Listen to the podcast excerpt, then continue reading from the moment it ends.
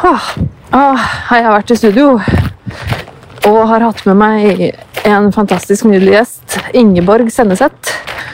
Og etter mye utsettelser og forsinkelser og alt mulig, så fikk jeg og Ingeborg endelig satt oss ned og hatt en veldig fin, hyggelig samtale om eh, alt mulig rart. Med alt fra psykiatri til tatoveringer.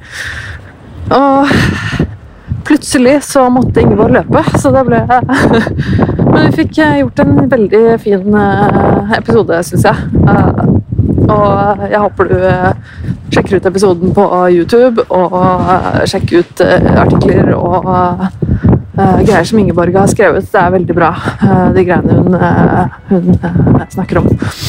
Så håper du liker episoden, og så høres vi vel igjen da, om en uke.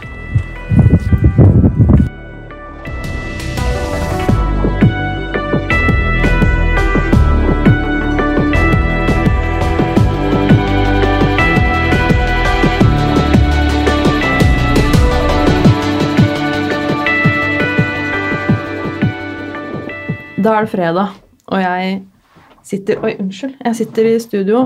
Det er ikke så lenge siden sist jeg var her nå. Jeg var jo her for to dager siden.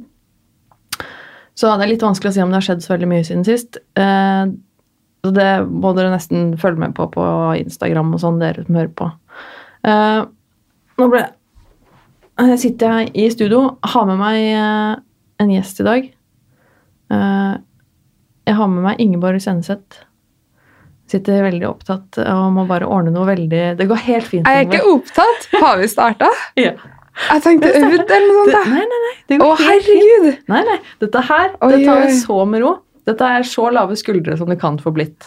Men du, da betyr det at jeg sitter med fjeset rett ned i telefonen mens du har filma det? At jeg bare ignorerer totalt den jeg er sammen med. Ja, men Det er jo helt fint. Det er et- ikke noe, det er ikke noe For et stress i det grusomt menneske jeg må virke Nei, som. overhodet ikke. Kave det- begynte også med det sist gang. Han satt og tok eh, bilder til Insta i starten før jeg introduserte. Du skal ikke ta det så veldig tungt.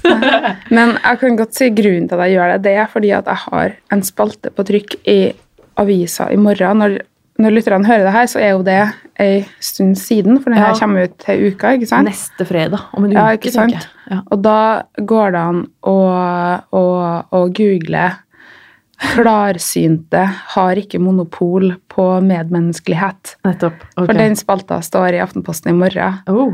Men uh, den, den, måtte jo, den måtte jo leveres. Ja. Og den, den ble liksom aldri bra, for jeg syns det er så utrolig vanskelig ja. å, å skrive eh, om, eh, om akkurat sånn ting som berører folk veldig sterkt. da. ja. Fordi at eh, klarsynte blir jo brukt av en del eh, til å forsøke å finne folk som er tapt, eller de blir brukt som å ha varme hender. De blir liksom brukt som et siste håp for Mm. veldig mange. Mm. Og, og det å kritisere det, at noen, eh, at, eh, at noen mener seg å ha evner som jo da ikke finnes, eller noe sånt, det blir på en måte indirekte oppfatta som å kritisere dem som eh, faktisk er helt sånn opprådd for håp. da. Mm. Sånn at det er så vanskelig å balansere det der å treffe uten at noen blir såra. Og noen blir jo såra. Jeg vet jo av at det går ikke an det går ikke an å kritisere uten å treffe noen. Da, da forsvinner hele vitsen med å kritisere. Mm. Eh, Det skal jo treffe noen, men jeg vil jo treffe riktig. Ja. Og det ble liksom aldri bra, bra, og så ble det liksom bare verre og verre. Og så, når du først var ferdig, så var det en person som leste, og som da sier at du, det henger ikke helt sammen her. Og så bare, å fuck, da må jeg endre der igjen. Og så ny person som leser, og så leser jeg på nytt sjøl og bare Det her syns ikke jeg sjøl er spesielt bra. Og så, ja. Så det var en del, det var en del runder, for å si det sånn. Ja. Ja, så, så det jeg gjorde nå, var jo at jeg bare så på, jeg fikk tilsendt PDF-en, Ja. og så ser jeg det at navnet på den filmen 'Jeg ser deg', som jo er utgangspunktet, hadde falt ut. Så det er sånn Ja, et par runder, da. Ja. Så det Men det var liksom nå type rett før du skulle hit. veldig rett før Ja, jeg så det ble hit. litt sånn Ja, forskjøva og herregud. Nei, jeg skjønner det så godt. Ja. Det er jo sånt, sånt skjer. Ja, og så skjer jo, og så skjer jo meg, da, som jo egentlig kunne ha vært der eh, omtrent eh, når, når, når jeg skulle. Eh, men så skal jeg finne vei, og jeg er jo geografisk handikappa. Jeg har eh, store, blanke, sorte felt i min hjerne, der eh, retninger og, og lengde og alt sånt skulle ha vært. der er det tomt. Ja. Det er ingenting å hente. så jeg har klart å gå en kjempesløyfe altfor langt. Så jeg har liksom gått i 20 minutter Ja. enn hva jeg skulle. ja. Så da kommer jeg til slutt hit og bare åh. Så ja. Det var da verdens lengste innledning for å si hei, takk for at du venta. Hyggelig å være her. Du, eh, det går så fint. Det var en fantastisk innledning. Jeg syns det er fint at det blir litt sånn ærlig. Men Ingeborg, eh, velkommen. Du Tusen er jo Herregud, du har gjort så mye kult. Du er forfatter, skribent og journalist. Og så er du, du er utdannet sykepleier. Mm. Og så er du samfunnsdebattant. Og så er du bare veldig kul, liksom. Ja, det er noen sånn dine ord. Åpen og ærlig stemme, og du kjemper for uh, veldig gode verdier, mener jeg, da, og veldig mange andre. Blant annet litt sånn du snakket om innledningsvis, med å få litt klarhet, klarhet i disse klarsynte gåseøyne. og det syns jeg er kjempebra. Um, så, men hvordan har du det i dag? Har du en bra dag? Um, Bortsett fra at du fikk litt eh, stress på vei opp hit, holdt jeg. Ja. Men du nevnte når du kom hit at du, ikke, du blir ikke så stressa. nei, vet du at uh, stressa er egentlig ikke det, det jeg blir. Men det spørs hvordan man liksom ser på stressa. Men stressa tenker jeg på litt sånn her at man blir litt sånn hodeløs og, og veldig sånn 'Å, herregud, hva skal jeg gjøre?' og springer litt rundt seg sjøl osv.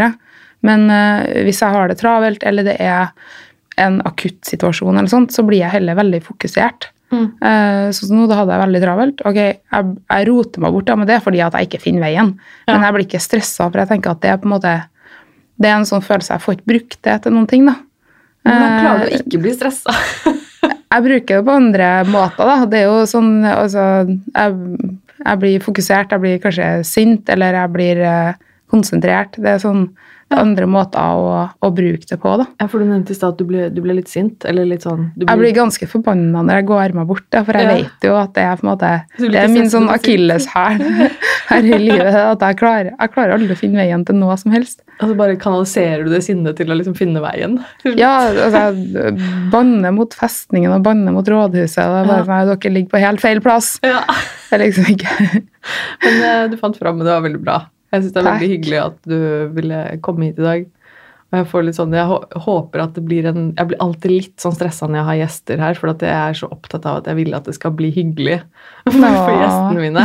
Jeg vil liksom at det ikke skal være sånn, sånn stivt sånn intervju, for det syns jeg ikke er noe ålreit. Jeg, jeg vil ikke være sånn stiv programleder som sitter sånn spørsmål-svar, og nå skal vi snakke om noe sånn veldig klinisk og viktig og sånn. Det kan godt være viktig, men jeg vil at det skal være litt sånn lave skuldre, og at det skal være litt hyggelig og litt, helst litt sånn personlig. Ikke så Mm. veldig sånn derre jeg, jeg vil ikke ha med den derre den personen som kanskje er ut, mest ute i media med alle disse maskene som man har et, liksom, Den type rollene, kritikeren på TV eller et eller annet. Altså, det som jeg snakket med Kave om i forrige episode, at han likte at han kunne komme og være litt seg selv. Ja, Der er jeg og Kave helt motsatt. da. Jeg liker jo å slippe å være meg sjøl. Ja. Jeg syns det er veldig deilig å, å ta en eller annen rolle, eller at jeg skal fremme et eller annet synspunkt, eller, Ja. eh, eller fremme en eller annen sak. For da, da vet jeg på en måte hva jeg skal si, og hva jeg skal gjøre. Mm. Eh, og når du spør meg hvordan har du det i dag, så blir jeg da, da på en måte blir jeg litt dement og bare sånn øh, Jeg vet ikke, skal jeg svare Ok, skal jeg svare ut ifra hvordan kroppen har det? Skal jeg svare ut ifra hvordan hodet har det? Skal jeg svare ut ifra hvordan jeg har sovet? Hvordan jeg føler at jeg gjør ting? Mm. Eh, det er sånn det er tusen svar på det spørsmålet. Ja. Hvordan har du det? Men det er Eh, men hvis du spør hva er det som er viktig i dag, da kan jeg mye heller liksom, ja, jeg kan si ja, klimastreik i dag, og ta utgangspunkt liksom i, i noe. da, Sånn at fakta og forskning og alt sånn, og en eller annen sak og alt sånn, det er mye lettere å prate om, for da tar du en rolle. Mm. Så når han syns det er kjempedeilig å komme og være seg sjøl, så er det helt motsatt fra meg som bare å, Nei, herregud, må jeg, snakke ut ifra meg sjøl? Hva skal jeg si da? Ja. Jeg syns det er mye vanskeligere. ja. Hvorfor syns du det er vanskelig? Fordi Er det fordi du Ja, jeg skal, jeg skal ikke ha vanskelig, altså. Men jeg syns jo det er litt interessant, da. ja. For jeg, jeg merker jo på det veldig selv og at det er mye lettere å, å fungere, liksom. Når du, bare, når du vet hva du skal, når du har en, Mm. en, en purpose, holdt jeg på å si. da. Hvis du skal dit for å gjøre det møtet, og det handler om det og det, så blir det veldig konkret. Mm. Og da blir det litt lett å forholde seg til.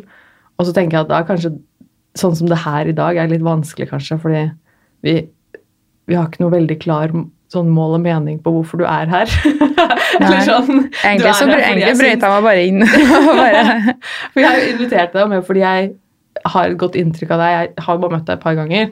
Jeg kjenner deg jo ikke så godt, men jeg liker jo på en måte Jeg liker deg. Jeg liker det jeg vet om deg. Og tenker Det er kult å ha med Ingeborg. Enn om det blir motbevist i dag.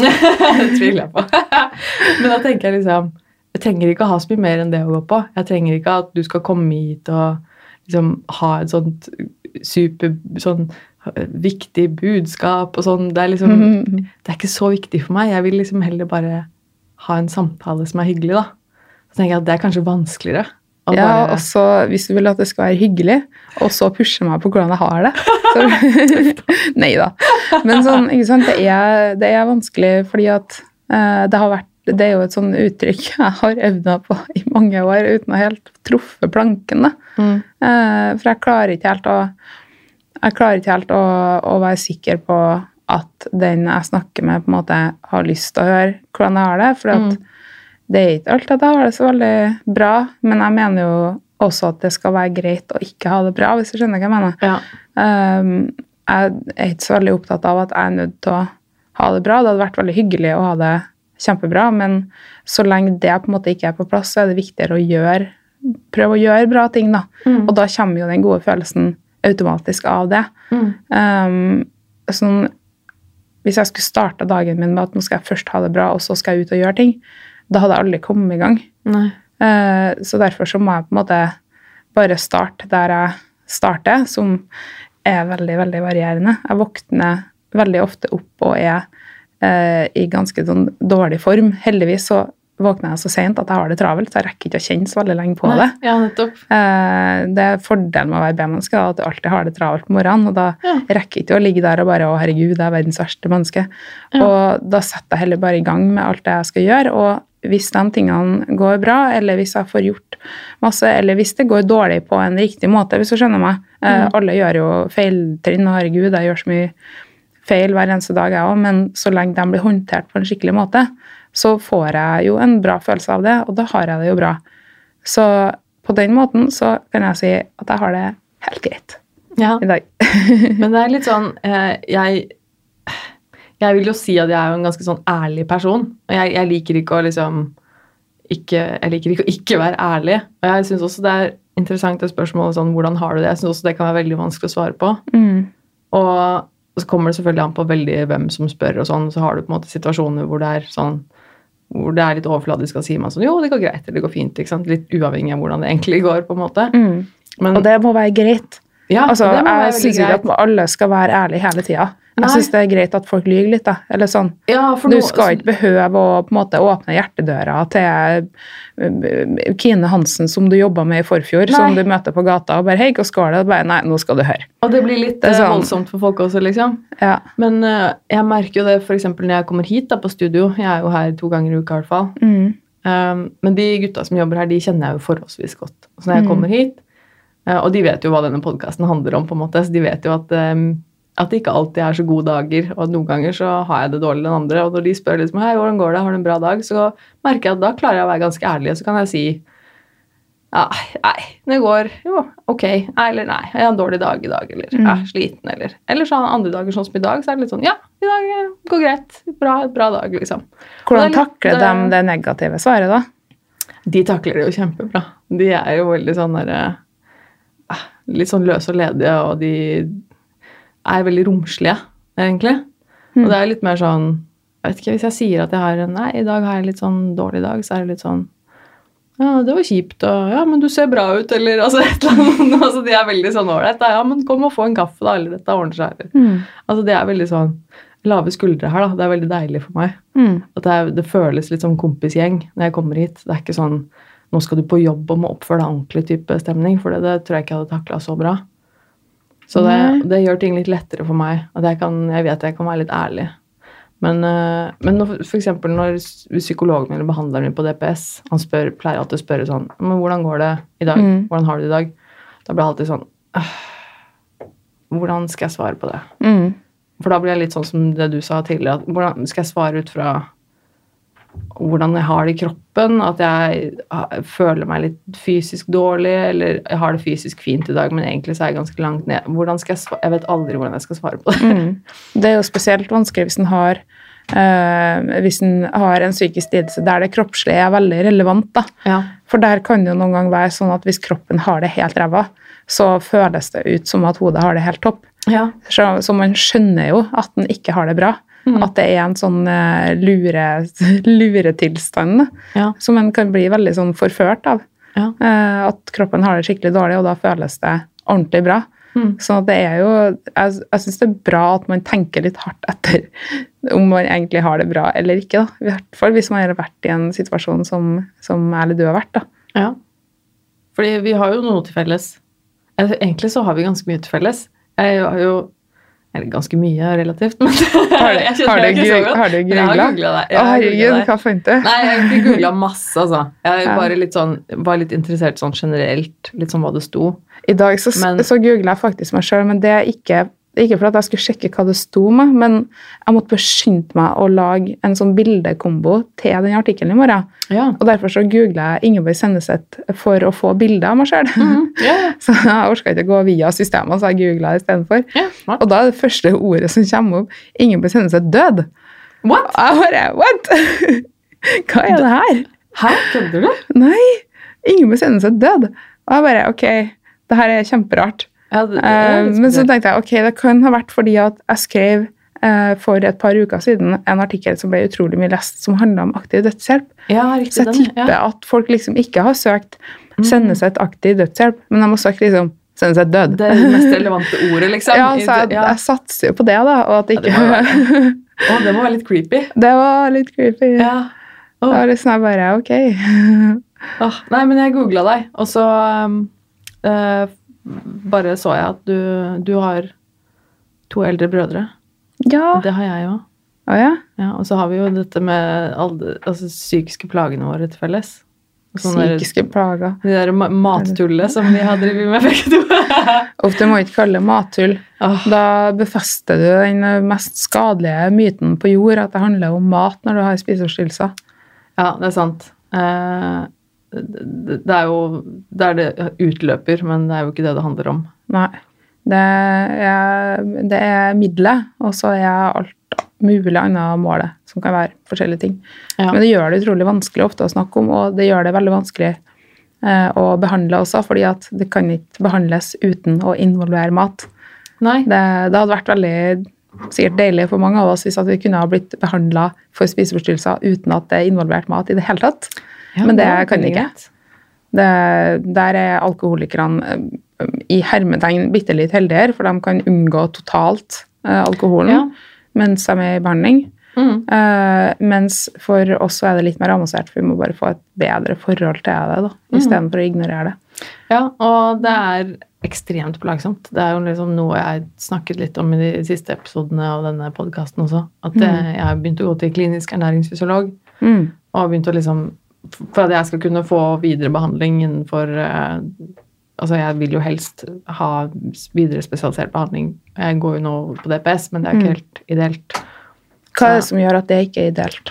Fordi at jeg har gått der såpass lenge nå, og det er mye utskiftinger av behandlere og sånne ting på DPS, og så eh, er det jo på en måte noe med at man vil, vil gjerne videre innenfor litt mer spesialisert behandling når det er noe som er litt mer heftig enn som tar, som tar lengre tid, da. Mm. Da vil de gjerne ha meg inn i et spesialisert eh, behandlingsopplegg som kan garantere meg en oppfølging i typ litt flere år da, enn bare Mm. det de har på DPS, liksom.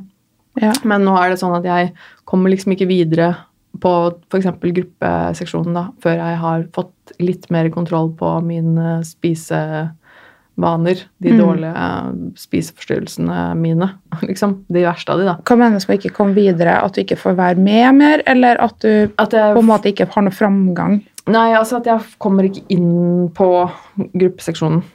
Jeg får, jeg, vi har på en måte prøvd å få meg inn der, men da får jeg avslag pga. at de spiseproblematikken min er litt for fremtredende nå.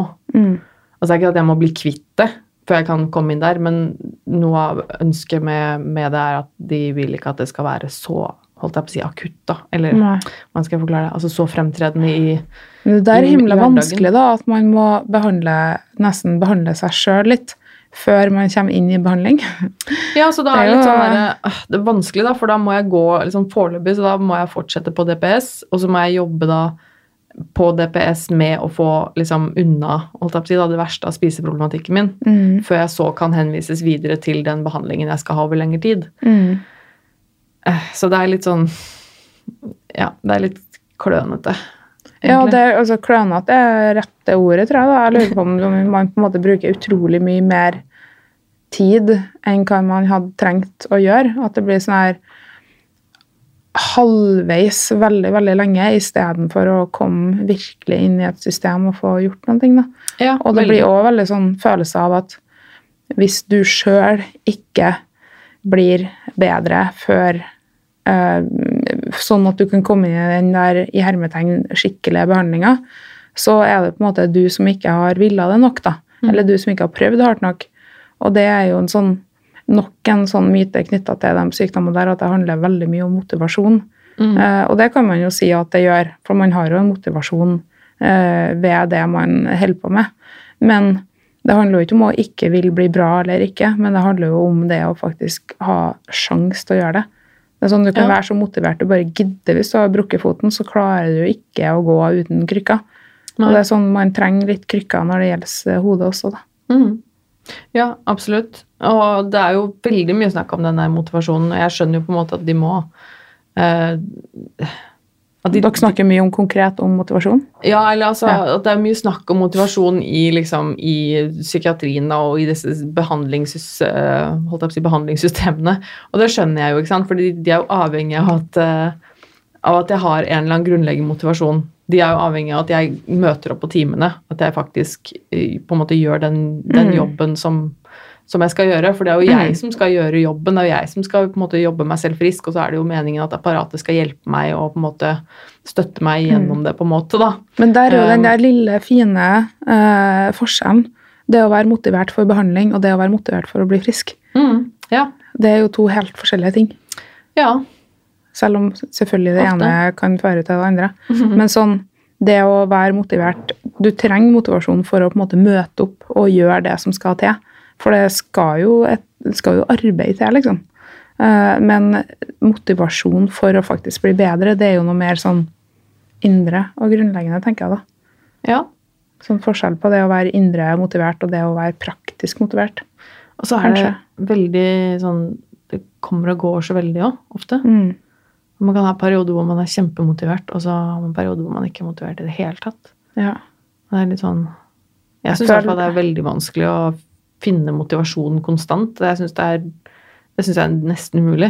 Jeg har jo lange perioder hvor jeg tenker bare sånn Nå er jeg ikke motivert i det hele tatt. ja. Hva gjør du med det, da?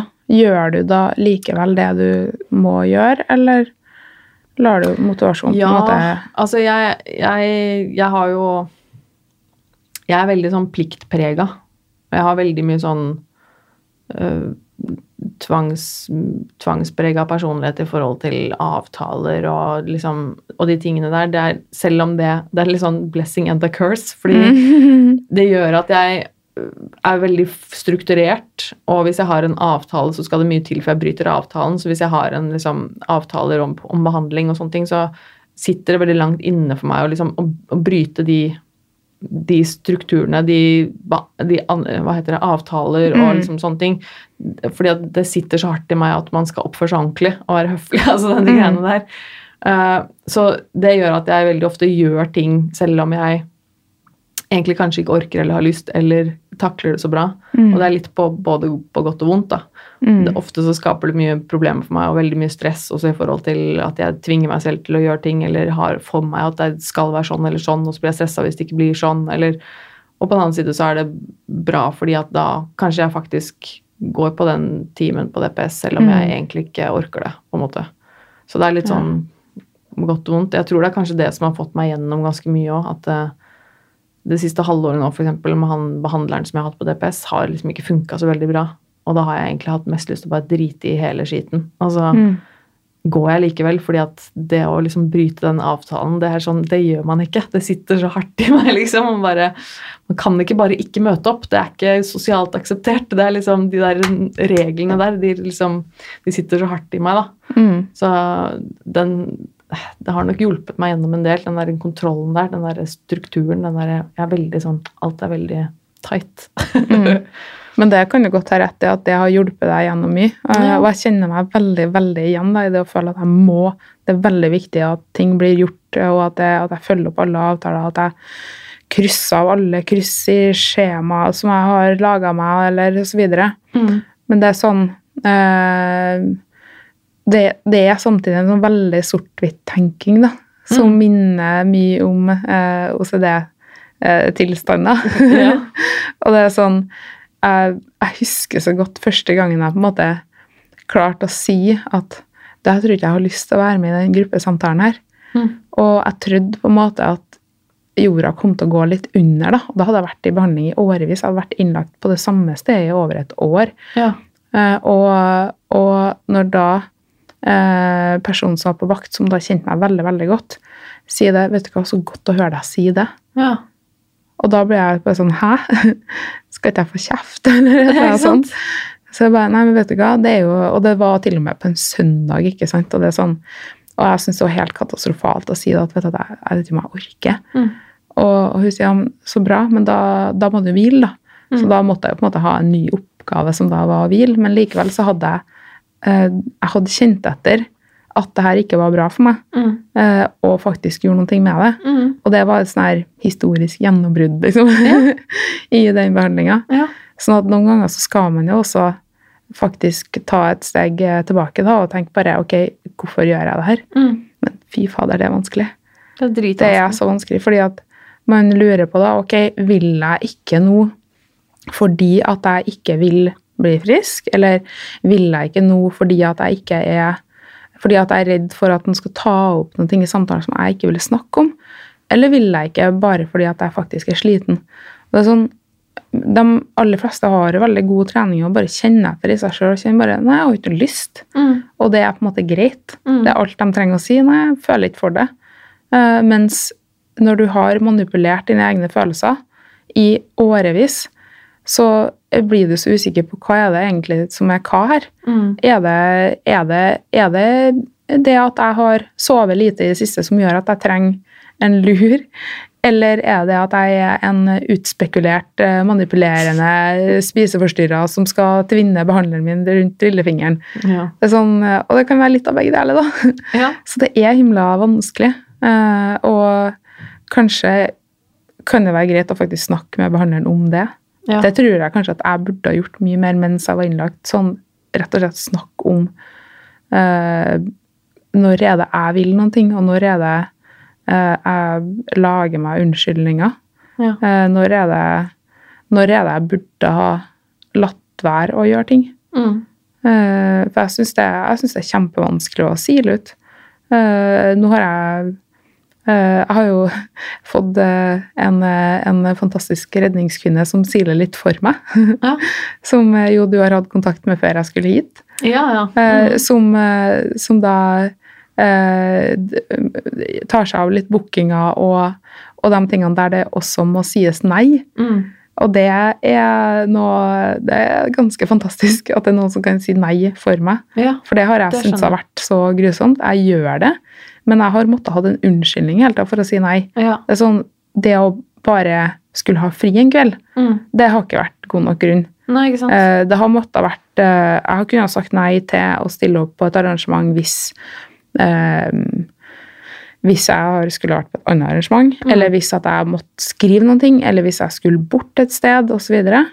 Uh, men når jeg ikke har konkrete unnskyldninger, og bare kjenner at, du, at jeg er så sliten, jeg orker ikke å gjøre noe flere ting nå, Mm. så har ikke det vært nok. Nei, det er ikke bra nok Da, nei, det har det vært sånn Nei, så sliten er du ikke. Ja, det kan Så da har jeg liksom endt opp med å si ja Mm. eh, en del ganger, eller si nei og føle at det er helt forferdelig. Ja.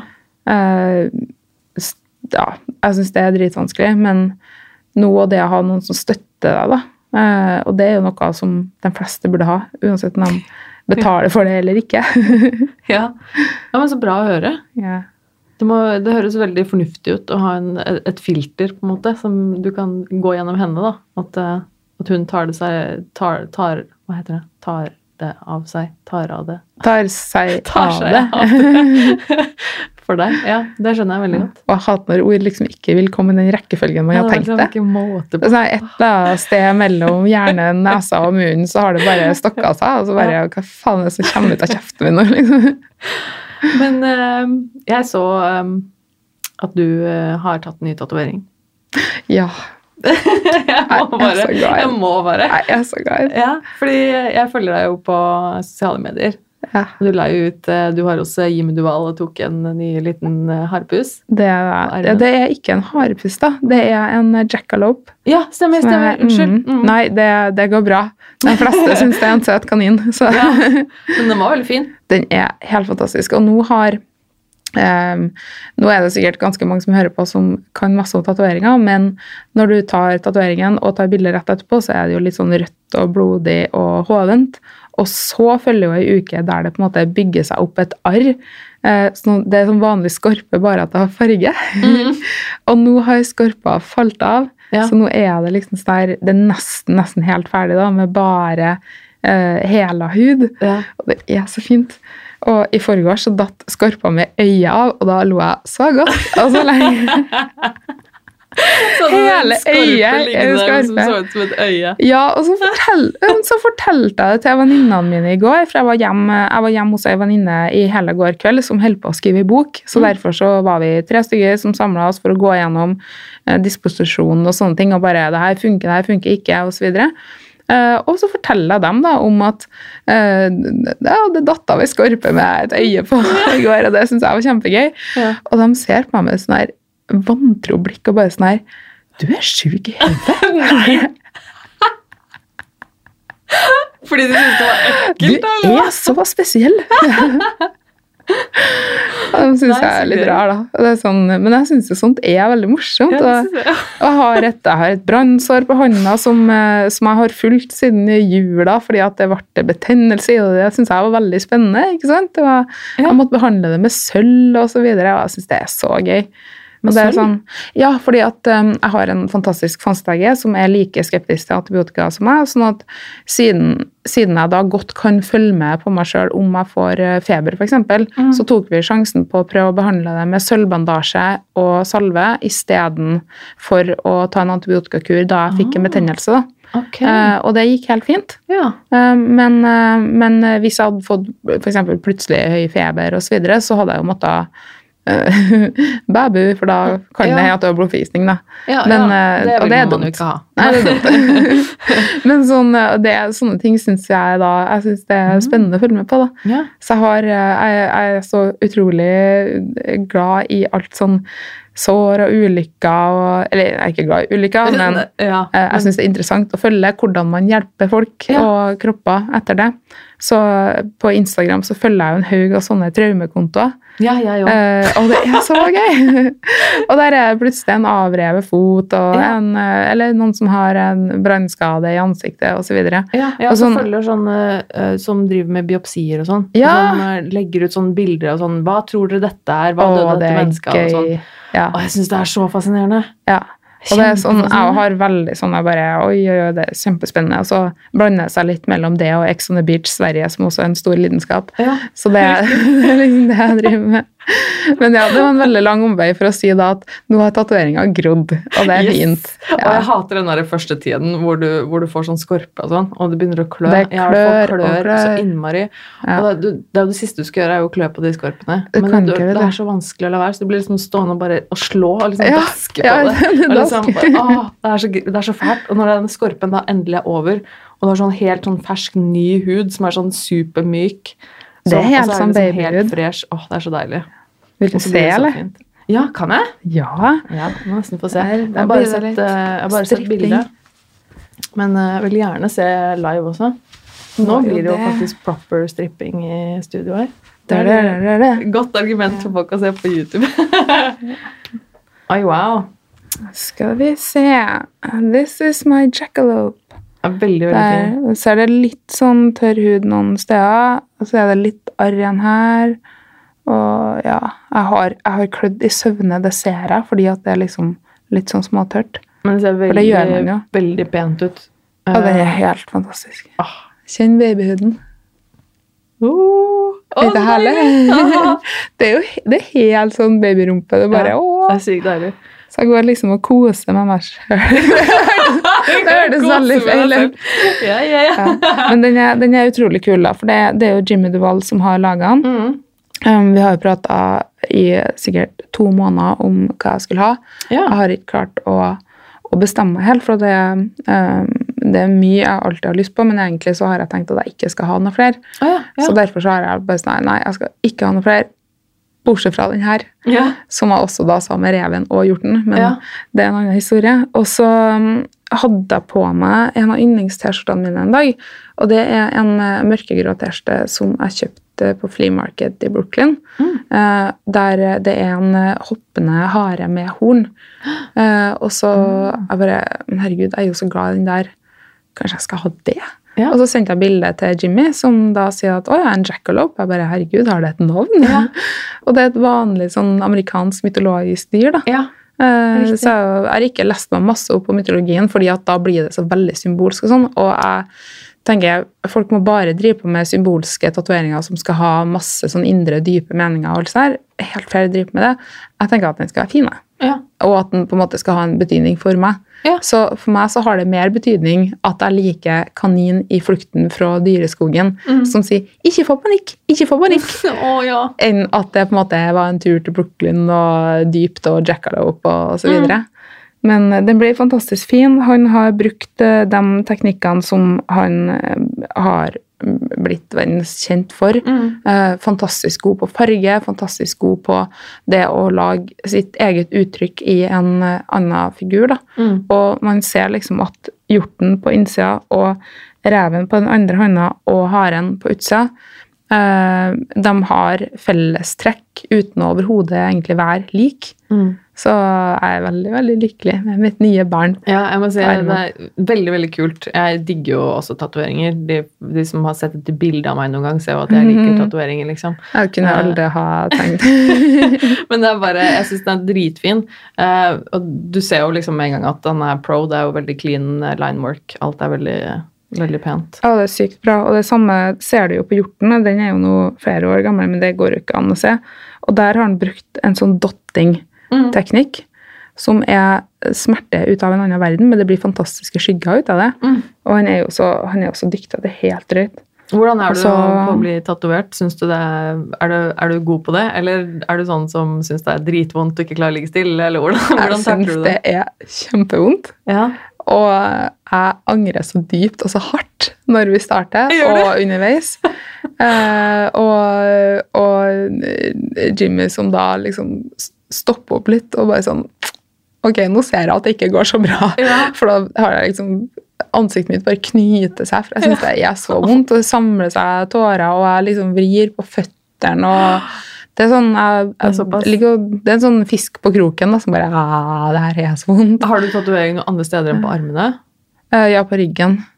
Er den stor? Men uh, nei, ikke spesielt stor. Så, du, så Eh, det er liksom og jeg, jeg skulle til å si fordi armene det er jo på en måte det minst vonde stedet du kan tatovere deg. Hvis du synes det Ikke på innsida av armen, nesten oppi armen. Ja, okay. ja, du har på innsiden Ja, det er sant. Det er vondt. det men på utsiden, Her, ja, På men det her er det minst vonde, og jeg syns det var kjempevondt. Ja. Så det er sånn Jeg, jeg kan godt takle liksom helt avsindig smerter som er mer sånn relatert til å være litt gal i hodet. Ja. Men sånn, altså, alt fra papercut til tatoveringer syns jeg er helt forferdelig. Og det er bare sånn, det er så vondt, og det er så synd på meg. Og. Hvor mange timer eh, Tok du en énsitting, eller? Ja, Ja, hvor, for hvor hvis ikke så ville vil ikke jeg komme tilbake.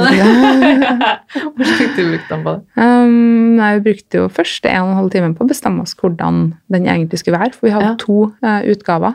Mm. En med bare hodet og en med hel kropp. Så det var fram og tilbake, fram og tilbake. Tok på sånn blueprint på armen. Mm. Uh, tok bilde, tok på en annen blueprint på armen, tok bilde, sammenligna. Så vi endte opp med den som både jeg og de aller fleste uh, som tok en avstemming på Instagram. Det Ja. er et par tusen Ja. stykker som stemte, stemt på den andre. Mm. Uh, men jeg endte opp med den her fordi at de ville på en måte blitt litt lik hjorten på innsida og haren på utsida, fordi Mm. at de begge to på en måte var både da hode og horn osv. Og, Mm. og fordi at den her er utrolig morsom, for at når jeg snur meg med ryggen mot folk, så ser de rett i rumpa på kaninen. ja, det er morsomt. Ja! Det var litt sånn kaninrumpe. og så Sorry til lytterne hvis jeg dunka i mikrofonen, men det var fordi jeg snurra på stolen. Nei, men det, det- åh, det er tatoveringer, altså. Jeg, også elsker, jeg elsker tatoveringer, men jeg er jo sånn som aldri Jeg får jo aldri nok, på en måte. Jeg Men har du noe plass igjen? Ja, jeg har masse plass. Eh, Det er bare det at jeg har jeg, de, de stedene på kroppen min hvor jeg, som er ledige, de Mm. viser jeg ikke så mye fram. Nei. Jeg, jeg er jo sånn Jeg merker jo det veldig godt med meg selv. Og når det gjelder tatoveringer og sånn, så de stedene på kroppen min som er blanke, da, som ikke har blekk, Mm. det er de stedene som jeg har mest komplekser for. På en Ja. måte. Fordi jeg syns det sånn Ta for eksempel Ja, for det er ikke så mye vits i å tatovere et sted alle kommer til å vise fram, hvis man på en måte Nei. Og så jeg har en sånn, Det er en sånn rar sånn følelse for meg, fordi de, de stedene på kroppen som jeg har tatovert, det er Mm. liksom det som føles ut som sånn det skal være, hvis du skjønner. Mm. Så nå har jeg litt tatoveringer på, liksom på begge beina, og jeg jobber med det. Men uh, før jeg begynte på det ene, det andre beinet mitt, så hadde jeg bare tatovering liksom nederst på den ene på høyre leggen, før jeg Mm. begynte på det venstre beinet. Og da husker jeg var sånn, jeg gikk ut og hadde meg shorts for eksempel om sommeren, så syns jeg det, det venstre beinet som var helt blankt, det var litt, sånn, det var litt ekkelt å vise fram. Det var litt sånn Mm. flaut. For det var sånn, åh, ikke se Det se føles jo veldig nakent. ja, det var sånn veldig sånn Nei, ikke se på det beinet, for det, det skal ikke være sånn. Ikke se Mm. på det. Så det er litt sånn jeg føler liksom med de stedene på kroppen som ikke har blekk, så er det litt sånn Det skal ikke være sånn. Det Nei, jeg, liksom sånn, jeg følte meg jo etter hvert veldig naken på den hånda. Det Litt sånn, jeg frøys nesten litt. Ja, Det gjør meg, så det er, det er en rar følelse. ja. Men det er så, det er så merkelig det med at jeg syns det er så vanvittig fint med, med tatoveringer på, på kvinner. Men Ja. jeg har ikke noe sånn greie for tatoveringer på menn. Nei, Nei, ikke i det hele tatt. men er det, Det sånn at du sånn, ikke liker det, eller er det bare sånn ikke noe spesielt? Nei, det, altså Hvis de kler det, så elsker jeg det på, på menn òg. Men jeg ville aldri ha tenkt at en kjekk fyr burde ta en tatovering for å bli kjekkere.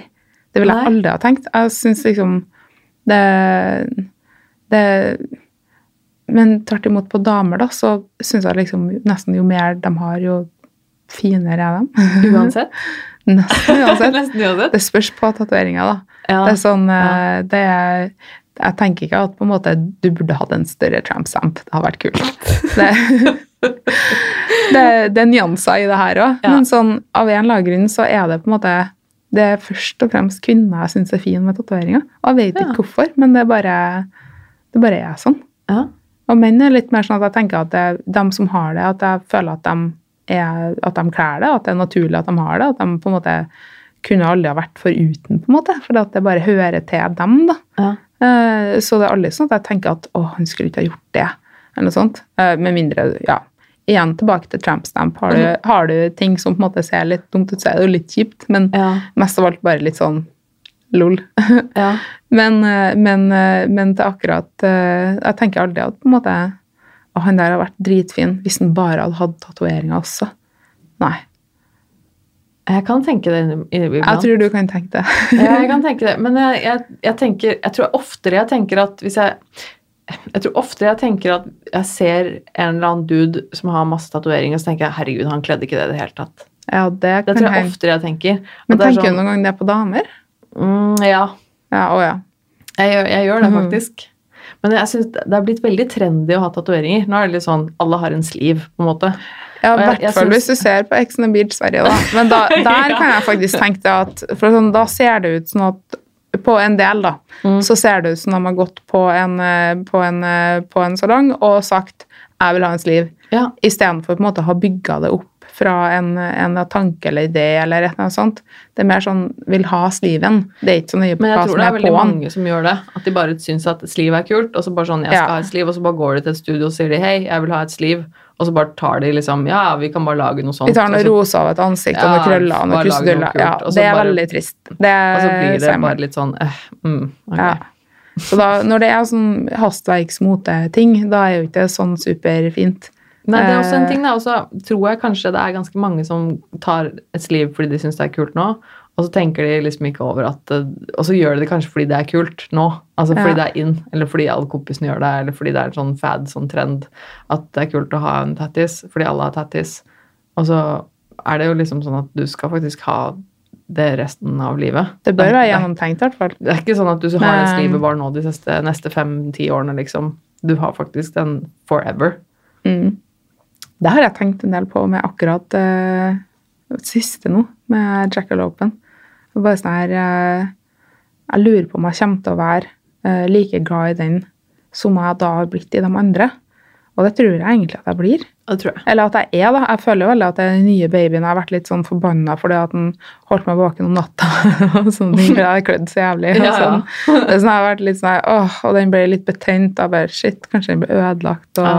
sendt melding til Jimmy og bare 'Den er betent, jeg vet ikke hva jeg skal gjøre'. Og han bare ja, litt tålmodighet. da, Det tok en for fire dager siden, liksom. Ja. men sånn eh, Hjorten, for eksempel, er jo sånn som jeg med helt hånda på hjertet føler at er den fineste tatoveringa som eksisterer på jordas overflate. Ja. Jeg syns på en måte at det er den fineste. Og det er jo litt sånn som man gjør med ungene sine, da, eller med meg med tantebarna mine. Ja. Jeg, jeg mener jo helt oppriktig at det er faktisk de beste ungene som finnes. Mm. Det, og jeg skjønner jo at alle andre foreldre eller tanter og onkler syns akkurat det samme. Og Det det, er sånn, blir, ja, jeg håper. Ja. Flest mulig, ja, Vi vet jo at det finnes, der finnes det veldig mye rart, men eh, det kan være en samtale etterpå. Mhm. Men, eh, men jeg bare føler at jeg blir så glad i dem. da. Mm. Sånn, De er med på et vis, og det kunne aldri ha skjedd hvis at jeg hadde tenkt det her er mote nå, derfor gjør jeg det. Mm. Jeg har aldri, jeg har aldri blitt glad i en genser. Nei. Samme hvor mote den genseren er, Mm. så har jeg aldri blitt glad i det. Eller sånn Du blir ikke glad i noe du bare får tak i fordi at absolutt alle andre vil ha det. Mm. Du blir glad i noe fordi at det er en del av deg og noe du har ønska deg eller vært med å jobbe fram. Ja. Tror jeg. ja. Skulle i hvert fall tro det. Ja, uten å snakke med Det kan godt hende at de elsker sine billigsliv, så jeg vet ikke. Det, Ja, får jo nesten håpe det. Men det er jo litt sånn rart det der med, med tatovering, i hvert fall i forhold til liksom, eh, liksom fysiske ting, da, for det blir så innmari en del av deg Mm. på en sånn måte at du, På en helt annen måte enn andre ting, tror jeg, da. Altså, jeg Det er så fascinerende, for jeg ser det jo ikke lenger, på en måte. Når jeg ser meg i speilet, så ser jo ikke jeg de tatoveringene, på en måte. Det er litt sånn, For du blir så vant til at det er der. De bare er en del av deg. Så så blir man litt overraska når man plutselig legger merke til på et bilde. eller sånn. Ja, Oi, spesielt når jeg ser bilder av meg selv hvor jeg ikke har tatoveringene. For eksempel Ja. altså, halsen og, nak og, altså, halsen og brysttatovering er forholdsvis nye. Så ja, det- Hvor gammel er de, da? Det, det, ja, det er vel et år siden eller noe sånt. Jeg ble, nei, ikke et år siden. Et halvt Jo, det er vel kanskje Oi, et år ja, siden. det er ganske nytt, ja. Ja, så det finnes jo en del Så på Instagram sånn, for eksempel, så ligger det jo bilder av, av meg ute før jeg ble ferdig med det. ja. Og før jeg begynte med det, egentlig. Så det er litt sånn rart innimellom når det dukker opp et bilde av meg som var før jeg tok tatoveringer i det hele tatt, eller før jeg tok de, da, så er det bare sånn Oi! Det var rart å se. Det var sånn uvant. ja. Uh, for, også, fordi du ser det liksom ikke til vanlig. Det er sånn Samboeren min også sier at han liksom Plutselig en dag så sa han sånn Jeg må nesten jeg må nesten tenke over inniblant at du har så mye tatoveringer, for Ja. jeg ser det ikke lenger. Jeg ser deg jo hver dag, jeg er så vant til å se det, at jeg legger liksom ikke merke til det lenger. Nei, men jeg vet, jeg vet. Og jeg syns det er litt sånn fascinerende. For det man ser, er eller sånn, på et eller annet tidspunkt når man blir vant til seg sjøl eller til andre som man er nære, så er det som om man på en måte bare ser jeg det, det høres dumt ut å si 'ser det indre', men det er på en måte et eller annet sånn hakket bak øynene da, og Ja. smilet og sånne der ting man ser. Mer Ja. Mer sånne, her, eh, sånn AI-punkter, da. Ja, Det er mer det man ser enn selve huden. ja, Og så blir man plutselig bare minnet på det, og bare sånn 'Å, herlighet'. ja, Og, og det er litt deilig, da, tenker jeg. ja. Det er sånn, Man kan plutselig sånn, se den andre i, sånn, i et eller annet sånn tilfeldig lys og bare Shit, han er veldig kjekk, eller oi, eller hun er veldig fin. Det er sånn, jeg får jo fort sånne der ting, men jeg blir, jeg blir så, jeg blir så venneforelska sånn i folk hele tida. Mm. Så da har jeg, jeg har ofte sånn at jeg bare kan se at noen bare Herregud, hvor fin hun er, eller det er så koselig. Ja, det er utrolig fint, da. Jeg er glad i folk. Ja. Jeg syns det er eh, jeg, synes, jeg, synes, jeg må liksom minne meg selv på det innimellom- for det sånn, jeg merker jo det ofte, eh, spesielt om sommeren og sånn. Ja. Så er jo Folk ser jo veldig på meg, da. Jeg tror jo det er fordi at jeg har mye tatoveringer, så blir jeg veldig ofte som folk stirrer, eller folk Det syns jo veldig, på en måte. Syns du det er ubehagelig, da? Nei, som regel ikke. Og det øh, Jeg er veldig vant til det. Mm. Nå har jeg hatt øh, Jeg begynte jo å tatovere meg for sånn ti år siden. Mm. Og så har jeg jo helt siden før jeg begynte å tatovere meg, så visste jeg at jeg kom til å ta mye. Mm. Jeg ville ha mye helt fra liksom, før jeg begynte. Det var sånn, jeg skal ha masse. Jeg elsker det, jeg vil ha masse. Uh, og så Jeg er jo vant til at folk ser på meg. Jeg begynte jo liksom ikke med en sånn bitte liten Jeg begynte jo liksom å bygge på en helt sliv, jeg. Det var Ja. liksom det jeg det var sånn, Jeg skal bare kjøre på, liksom. Du gjorde helt det motsatte av meg, med andre ord. ja, men jeg var liksom sånn Jeg skal bare ha. Jeg bare, det er bare å sette i gang, liksom. Mm. Uh, Så jeg er liksom vant til at folk ser på det og at, liksom sånn. Men jeg merker det veldig sånn innimellom at folk stirrer, og det er ikke alltid folk ser så pent på meg. Men det Men er liksom husk på at det kan at det oppleves som om de ikke ser pent på deg, men at Ja, de egentlig bare sitter og stirrer ut i lufta og tenker på middag. Absolutt. Og så er du tilfeldigvis i liksom skuddlinja for blikket. Absolutt. Men, det, da- er, men det er litt sånn det, det plager meg egentlig ikke. Og det er egentlig, egentlig litt fascinerende, det òg, fordi det er mange ting som altså Kommentarer man kan få, eller øh, stygge blikk, eller altså, hva som helst kan være Folk sier mot deg, eller hva som helst som, som kan såre. Uh, men om folk ser stygt på meg pga. tatoveringene mine, så er det av en eller annen grunn så er det en sånn ting jeg bare klarer å gi helt totalt faen i. Hmm. Det er bare en sånn ting som er bare sånn In your face, bitch. Jeg driter i hva du syns om mine tatoveringer. This is me. Jeg har masse tatoveringer, og jeg digger det. Synd for deg om du ikke liker det. Av en eller annen grunn, jeg klarer å gi totalt faen i om folk syns tatoveringene mine er stygge. Den grunnen der, den tror jeg du må forske litt i. Ja. Og trekke fram og bruke det andre Ja. sammenhenger. For jeg skulle virkelig Mot, ønske mot andre, men mest mot deg sjøl, kanskje. da. Ja, men jeg skulle Når du virkelig driver og ønske at dømmer var- deg selv. Ja, Så trekk fram den der uh, bryr jeg meg egentlig. Ja, men det er fordi den, akkurat den skulle jeg ønske jeg var flinkere til på mange andre ting. Å gi litt mer faen, liksom. Og gi Mm. meg selv litt mer slack. Gi litt mer faen i hva folk tenker. Bare gjøre det som er bra for meg, og liksom kjøre på, liksom. For jeg er ikke noe god på det generelt, men når det gjelder tatoveringer, så blir jeg bare sånn Bitch, please. Jeg, Mm. Det er sånn jeg er, liksom. Jeg vet ikke. Det er fascinerende. Men jeg har fått så mange, mange som, som spør om ting og sånn. Det er helt greit. Folk kan spørre som de vil. Jeg svarer gjerne på spørsmål om folk er nysgjerrige. Men jeg, jeg syns alltid det er litt sånn gøy når folk sier sånn Ja, men tenk, tenk når du blir gammel. Tenk når du blir kjempegammel, så blir du sitt og har Du masse har, rynker og lest, ja, men du har lest Asle Toje i Minerva og Aftenposten. Jeg vet ikke, jeg tror ikke det. Astrid Toje er jo eh, vel tilknytta Nobelinstituttet nå. Mm. Eh, en veldig respektert akademiker. Um, han er vel eh, sånn ca. i 40-årene eller sånt. Og han eh, mener at tatoveringer på kvinner er et ja, endetidstegn. Han ja. syns det er utrolig stygt. Okay. Eh, og han mener at eh, man eh, på en måte ødelegger seg sjøl, og at man blir stygg resten av livet, og at det, huden kommer til å henge på kvinner, og sånn, og derfor blir det enda verre. da. Ok. Og, og han har så mye mot det, og det syns jeg er så morsomt. Jeg, synes, jeg klarer nesten ikke å holde ut over hvor gøy det er at noen virkelig har et engasjement for hva andre har på sin kropp. Ja, det er ganske komisk. Eh, og da vi møttes i eh, noe som heter Antipanelet på Ekko på NRK, Mm. eh, så satt vi i panel sammen.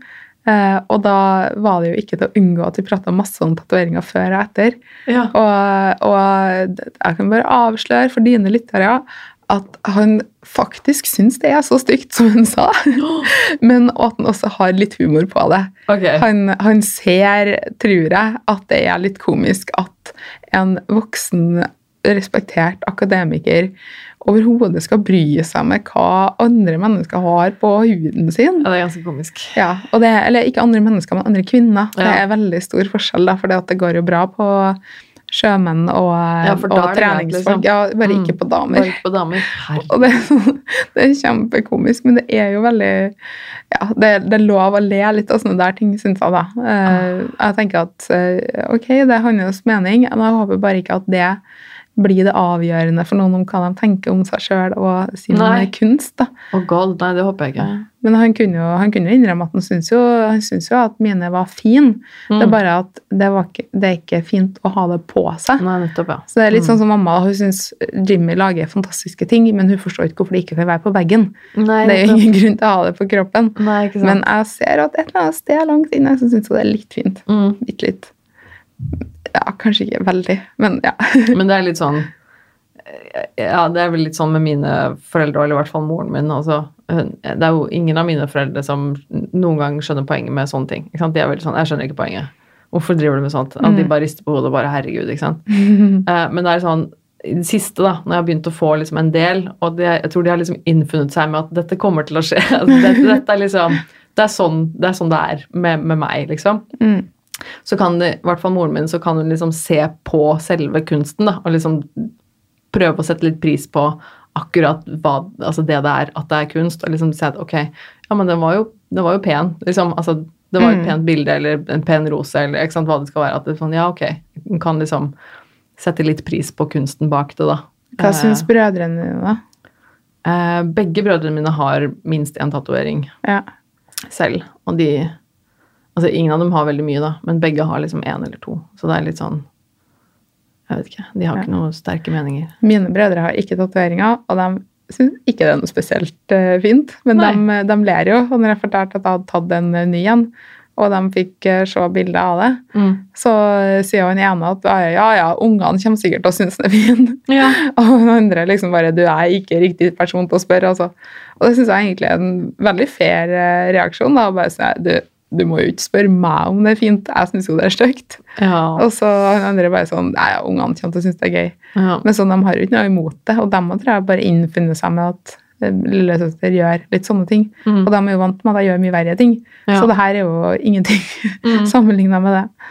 Men hva, hva Kanskje vanskelig spørsmål, men liksom, hva betyr tatoveringen for deg? Er det liksom Hvorfor, hvorfor må du tatovere deg? Hva er det Jeg føler ikke at jeg må, men at jeg har lyst, for jeg syns det er fint. Mm. Så det er egentlig ikke noe sånn superdypt, annet enn at jeg kjenner at det faktisk er noe jeg vil, eh, og ikke noe jeg gjør fordi at jeg føler at jeg bør, eller eh, det er ikke et, det er ikke et opprør, det er ikke noe Det er ikke, det er ikke mote, det er ikke opprør, det er ikke press, det er ikke en idé, det er ikke en tvangstanke.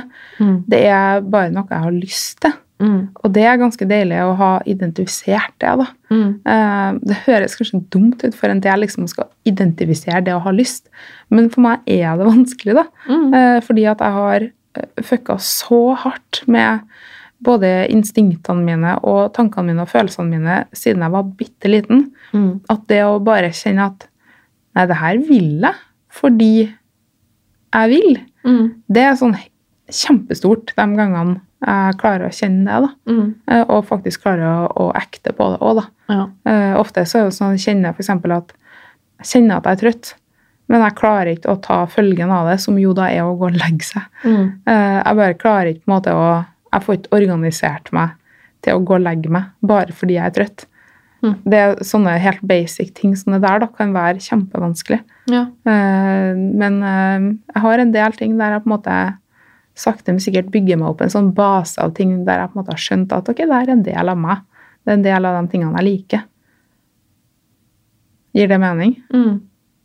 Ja. Så veldig tankefull ut. Ja, men jeg, jeg, det er jeg. Jeg er tankefull. Men Hva jeg syns det er fint. Jeg, eh, jeg, jeg skjønner veldig godt hva du mener når du snakker om det der som du nevnte tidligere, med å identifisere følelser. For jeg, Mm. jeg, jeg syns også det kan være veldig vanskelig. Jeg syns også det er vanskelig å, å vite hva som er meg. Jeg har jo slitt mye med sånn identitetsproblematikk da, i forhold til min personlighetsproblematikk og sånne ting. Mm. Og jeg syns det er veldig vanskelig å vite hva som er meg. Hva som jeg mener fordi jeg faktisk mener det, eller mener jeg det fordi jeg har blitt påvirket av noen andre til å mene det? Mm. Mener jeg det nå fordi jeg er i en sånn fase i livet mitt nå, eller syns jeg egentlig altså Sånne ting syns jeg er kjempevanskelig. Jeg har hatt store problemer med å liksom egentlig skjønne hva jeg er, og hvem jeg vil være, og hva jeg skal i livet, og hvem, hva som egentlig er meg, og hva jeg, hva jeg bare har tatt utenfra og puttet på meg for å være noe og passe inn, og veldig mye sånne type ting da, som jeg syns har vært vanskelig. Så det har jo vært altså blitt litt sånn Jeg husker da jeg begynte å Da jeg begynte å gå i behandling på DPS for halvannet år siden med han psykologen som jeg hadde da, som var veldig veldig flink. Jeg husker Han stilte meg blant annet spørsmål angående det med tatoveringer, for han, var, han, så jo at jeg hadde en del tatoveringer. Og så eh, fortsatte jeg vel også på et par av de tatoveringene mens jeg gikk hos han i behandling. og da, Jeg husker en gang da jeg kom dit etter at jeg hadde liksom tatt den ganske ferske eh, tatoveringen, så ble han litt sånn da, da, begynte han å spørre om dette med tatoveringer, mm. med tanke på min identitet. da, mm. og veldig sånn Om jeg var om type jeg var sikker på at dette var noe jeg egentlig ville, eller om hvor dette kom fra, da, på en måte, hva, hva, som, var, hva som, lå til bunn for at jeg For at jeg har unektelig tatt ganske mye, og mye som er ganske synlig. Mm. Det er på en måte ikke noe sånn at jeg kan bare late som det ikke er der, eller ta på meg en genser, så syns det ikke. på en måte, Det er sånn, det er veldig sånn in your face, da. Mm. Uh, og han var litt sånn Ikke, ikke, ikke bekymra, ikke noe sånt, men han spurte litt spørsmål rundt det, og hva som var, på en måte lå bak i forhold til mine tanker og mine følelser rundt det. Mm. Og det er også, men det, er, det der med tatoveringer, det har liksom vært der, helt, det har vært der hele tiden. Det har liksom mm. aldri forandret seg. Det er mye liksom med mine, mine, greier, mine tanker og følelser, mine følelser av identitet som har kommet og gått litt, eller som har vært litt vanskelig. Men det der med tatoveringer, det har liksom alltid sittet der. Det har liksom alltid, Så lenge jeg kan huske, har jeg liksom alltid hatt en dragning mot det. Og alltid tenkt at det er, det er meg. Mm. Det er sånn jeg skal være. Uh, det er liksom bare en Det er liksom bare sånn min hud skal være. på en måte. Det bare føles som meg, da. Uh, og så er det Trenger det ikke å være noe mer enn det, på en måte. Og jeg har jo veldig mye tatoveringer som ikke har noe spesiell mening. Uh, og så har jeg noen som har en mening, eller som i hvert fall har noe symbolikk jeg liker, eller sånne ting. Uh, men det er nok Og så har det den tilleggsbonusen med at det kanskje holder folk litt på avstand. Det har jeg nok eh, mm. Jeg har nok innsett det for meg selv også, at jeg tar det jo for meg selv. Men en så har det en, en, en, tilleggsbonus med den rustningen, ja. Men jeg lurer på, hvordan klarte du å bestemme deg for hva du skulle ha på halsen? For når jeg bruker en og en halv time på utsida av armen, der jeg tross alt ja. kan ta på meg en genser ja. Jeg hadde kommet til å ha så store problemer med å bestemme meg for hva skal jeg ha her. Ja. For det er That's in your face. Ja resten eh, av eh, livet. Ja, og det er litt sånn eh, Det spørsmålet har jeg også fått flere ganger, fordi folk Jeg snakker jo unektelig liksom, folk litt om tatoveringer og sånn, det syns jeg er gøy. Men da blir folk veldig sånn Ja, men jeg vet, skjønner ikke hvordan du klarer å velge. Jeg hadde aldri klart å velge ja, Folk som ikke har tatovering, f.eks., som sier sånn Ja, jeg kunne godt hatt en tatovering, men jeg vet ikke hva jeg skal velge. Og så ble det sånn Ja, men herregud. Det hadde ikke jeg klart heller. Hvis jeg bare skulle hatt én tatovering, så hadde jeg mm. aldri klart å velge. Men jeg har jo visst liksom fra, helt fra starten at jeg skal ha masse, så jeg har jo bare liksom, typ, en lang liste ja, over ting jeg skal ha. Ja. Var ikke et litt Også, egen type valg der? Jo, det blir, men det blir liksom det var sånn Så jeg må liksom bare ta utgangspunkt i den type lista jeg har over ting jeg har lyst til å tatovere og så må jeg bare plassere det på et vis. Så jeg har jo en viss plan i hodet mitt mm. over hvordan kroppen min skal se ut på et tidspunkt når det begynner å bli ferdig. Men det er, ikke, nei, det er ikke alltid så lett. Jeg brukte jo selvfølgelig litt tid på det òg. Liksom legge opp jeg, visste, jeg hadde en viss anelse om hva slags, hva slags bilde det skulle bli, på en mm. måte. Eh, men jeg visste ikke noe sånn helt konkret. Jeg hadde noen ideer, og så var det egentlig bare at jeg snakka med tatovøren min, og så kom vi fram til et resultat mm. som det er kjempetips til absolutt, absolutt, absolutt alle. Snakk for guds skyld med tatovøren, og ja. velg en god tatovør som og som har sine egne meninger. For det ja. ikke at han skal overstyre det du sier, eller noe sånt, men det er den erfaringa med hva som kan funke og ikke, og det blikket på hvordan huden din ligger, hvordan du beveger deg, hvordan menneske du er, hvilke farger mm. du klær osv. Og, så og anatomien og sånn, ikke sant. Ja, det har så mye å si. Har, ja, det er virkelig alfa og omega. Bare å finne en tatovør som har den stilen, eller som lager den type kunst som du liker, mm. og få noe for, for, for, all del få noe som er custom made. Altså ikke gå inn og si at ha med deg plukke motiv som er brukt opp fra før, jeg skal ha en stjerne, liksom. Altså prøve å få noe litt unikt, ha et utgangspunkt, og så Og velge tatovør, ikke tatovering, først og fremst. Ja. Og så kan man heller sammen velge tatoveringer når man har funnet den riktige tatovøren du har en god kjemi med, osv. Mm. Med mindre man skal ha Liverpool-logoen. Så på en måte, da trenger du bare en som er renslig. Ja. Det er Renslighet er dritviktig, liksom. Sånn, ja. hvis du skal ha noe som er custom, da, så velg heller etter den personen. Ja, altså ikke gå, til, ikke gå til han kompisen av en kompis som Å, driver og tatoverer litt på si på hjemmefronten og har kjøpt seg utstyr. Aldri gjør det. Og ikke Aldri. i Thailand. Og ikke Nei, jo, det fins jo gode tatoverer i Thailand òg, men, da, Ja, altså, men men du, ikke gå til den billige sjappa på hjørnet. Nei, og det er ikke sikkert dere snakker så veldig godt sammen. Nå skal ikke jeg si at folk flest ikke snakker godt eh, eh, Snakker de thailandsk? Nei. Thai? Jo. Thai? Ja. Folk flest snakker nok ikke supergodt thai. Men, eh, men likevel så er det greit å kunne prate med noen og greit å kunne faktisk sende en melding og si du, det har blitt litt betent, hva du gjør jeg? Ja, Det er veldig greit å ha noen som er litt nære, da. ja, shit. Men, men takk til Jimmy som har passa på meg så godt. Ja. Det var dagens reklame, men jeg har betalt for alt. det er ikke spons, liksom. Det er ikke spons. men eh, nei, men eh, da, eh, så bra at du fikk snakka litt om tatoveringer. Um, men eh, jeg hørte at du eh, Jeg husker ikke jeg husker ikke, det var, Jeg tror du var gjest i en annen podkast eller et eller annet jeg hørte på. hvert fall. Så snakket du så vidt om, om dette med åpenhet, og det var en ting jeg hadde lyst til å snakke med deg litt om. Fordi du sa noe som fikk meg til å bare Ja, Ingeborg, dette er jeg så enig i. Og, og da, du snakket noe om triggere og åpenhet, og, oh, ja. eh, og det å være åpen om ting til tross for at det kanskje kan være triggende for noen. Mm, og det har jo blitt veldig aktuelt eh, nå denne Mhm. uka her med debatten rundt eh, bloggeres, eller influensere, da, sin Absolutt. påvirkningskraft. Og jeg snakket Um, litt grann om det i, jeg, i dag, mens vi sitter og spiller inn denne episoden her, på fredagen i dag, så gir jeg jo ut en, min episode nummer 15, eh, hvor jeg snakker bare litt grann om det der med debatten, Ja. og om det der åpenhet, og om det kan være skadelig, og med triggere og sånne ting. Mm. Og jeg bare sa det så vidt i den episoden at det Jeg er veldig for det med åpenhet. Nesten litt sånn Ikke ukritisk, det er jo ikke Jeg mener vi skal være bevisst på hva vi deler, og hvordan vi deler det, og hvem vi deler det til, men jeg mener jo også at det er så jævlig viktig å være åpen om ting, og at vi skal kunne snakke om ting. Og det med triggere, det fins overalt. Du vet aldri hvordan du trigger folk, eller hva folk blir trigget av. Og jeg tenker at hvis jeg har en, en god grunn, en, et budskap som er på en måte godt, og velger å være åpen om vanskelige temaer, så tror jeg det er det viktigste. Ja, liksom- men da, samtidig da, så um, Jeg hørte jo du sa mye av det samme da du snakka med Dag Sørås. Um, om, eh, om hvor utrolig viktig det er på en måte å være grunnleggende åpen om alt. Og jeg mener også at på en måte hovedregelen må være at alt uh, skal kun snakkes om, Mm. og alt skal kunne sies, men ikke til alle og på alle måter.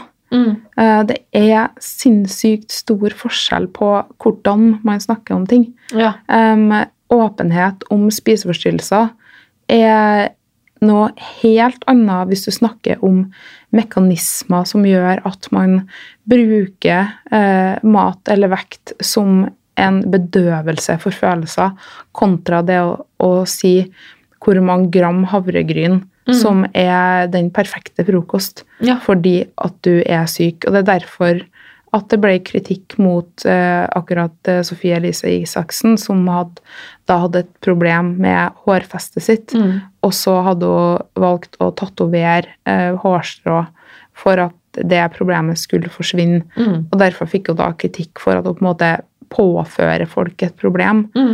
Um, og påfører også den løsningen, da, sånn at det blir et nytt marked for den løsningen. Mm. Og her har jo hun tatt massiv selvkritikk for. Mm. Uh, Men så blir det ny kritikk fordi at selvkritikken har kommet før, og så har det skjedd igjen. Sånn at de der grensene for hvor åpenheten skal gå, dem tenker jeg at det er kjempeviktig å drive og utfordre. Mm. Og jeg vet med meg sjøl at jeg har, jeg har ikke funnet den perfekte grenseoppgangen.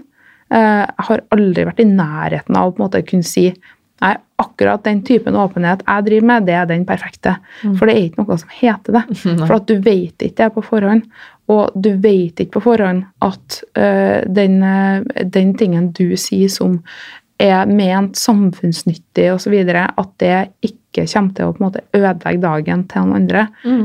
Er, det er både mottaker og avsender side, da. Og det er nødt til å på en måte ansvarliggjøres i begge leirer. Mm. Men det jeg har vært kanskje mest bekymra for de siste par årene, etter da å i årevis Jeg starta i 2009 å blogge om det å være innlagt i psykiatrien. Mm. Eh, Det var jo da helt sånn oppsiktsvekkende at noen gjør det. Så det var sånn TV 2 kom på sykehuset og filma og styra. Ja. Og var veldig mye press rundt det da. da. Og, og da var det noe helt nytt å vise fram innsida på en psykiatrisk institusjon osv. Eh, og det var forhåpentligvis bra da. Jeg tror det var bra at det åpna opp mer eh, en samtale rundt det. Eh, samtidig så gjorde det en slags normalisering som kanskje, kanskje kan ha vært litt bjørnetjeneste, fordi at jeg framsto jo alltid ganske frisk når jeg uttalte meg på TV, f.eks. For, eksempel, for da, da hadde jeg sminka meg og ordna meg og på en måte vist fram en bedre side av meg sjøl, men som jo da kosta vanvittig mye. Men jeg visste ikke fram den kostnaden. Mm. Eh, så kanskje var jeg med. Kanskje har eh, andre som har vært åpne på tilsvarende måte, på en måte gjort det vanskeligere å ha de der mer um, upopulære sykdommene, f.eks.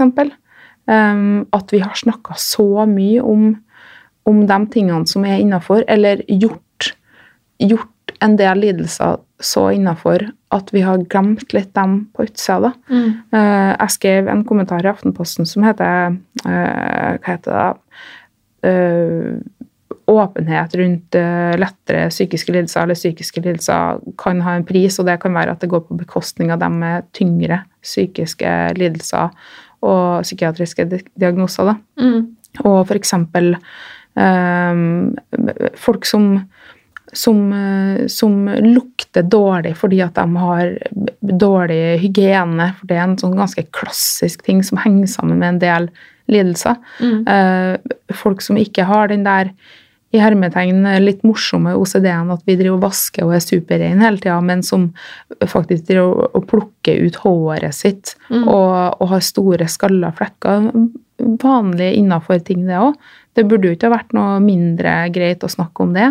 Eller eh, folk med psykoselidelser, som da Det har det jo blitt eh, eh, mer prat om etter den nye serien til Ramona Kåss Furuseth. Mm. Eh, sinnssykt på, på NRK. Mm. Og, og kanskje er det litt riktig vei, men samtidig der òg ser vi jo at det er veldig velfungerende, eh, morsomme folk. Eh, folk du liker. Og det er jo ikke sånn at at man liker alle. og, og det er ikke sånn at det er eh, alle som har eh, et apparat som gidder å være vennen din, selv om du er i hermetegn litt rart, rar. Det er faktisk en del som har dårlige nettverk, eh, dårlige venner, eh, gjør ulovlige ting, eh, lukter, eh, banner, spytter, er, er ekkel og kjip, men som på ingen måte fortjener noe mindre respekt Mm. enn noen som er ren og tynn, Mm. som jo da er liksom sånne bra ting, men som er like sjukt som å være eh, Ha kutta deg opp i fjeset eller være overvektig, Mm. for å dra det veldig langt. da.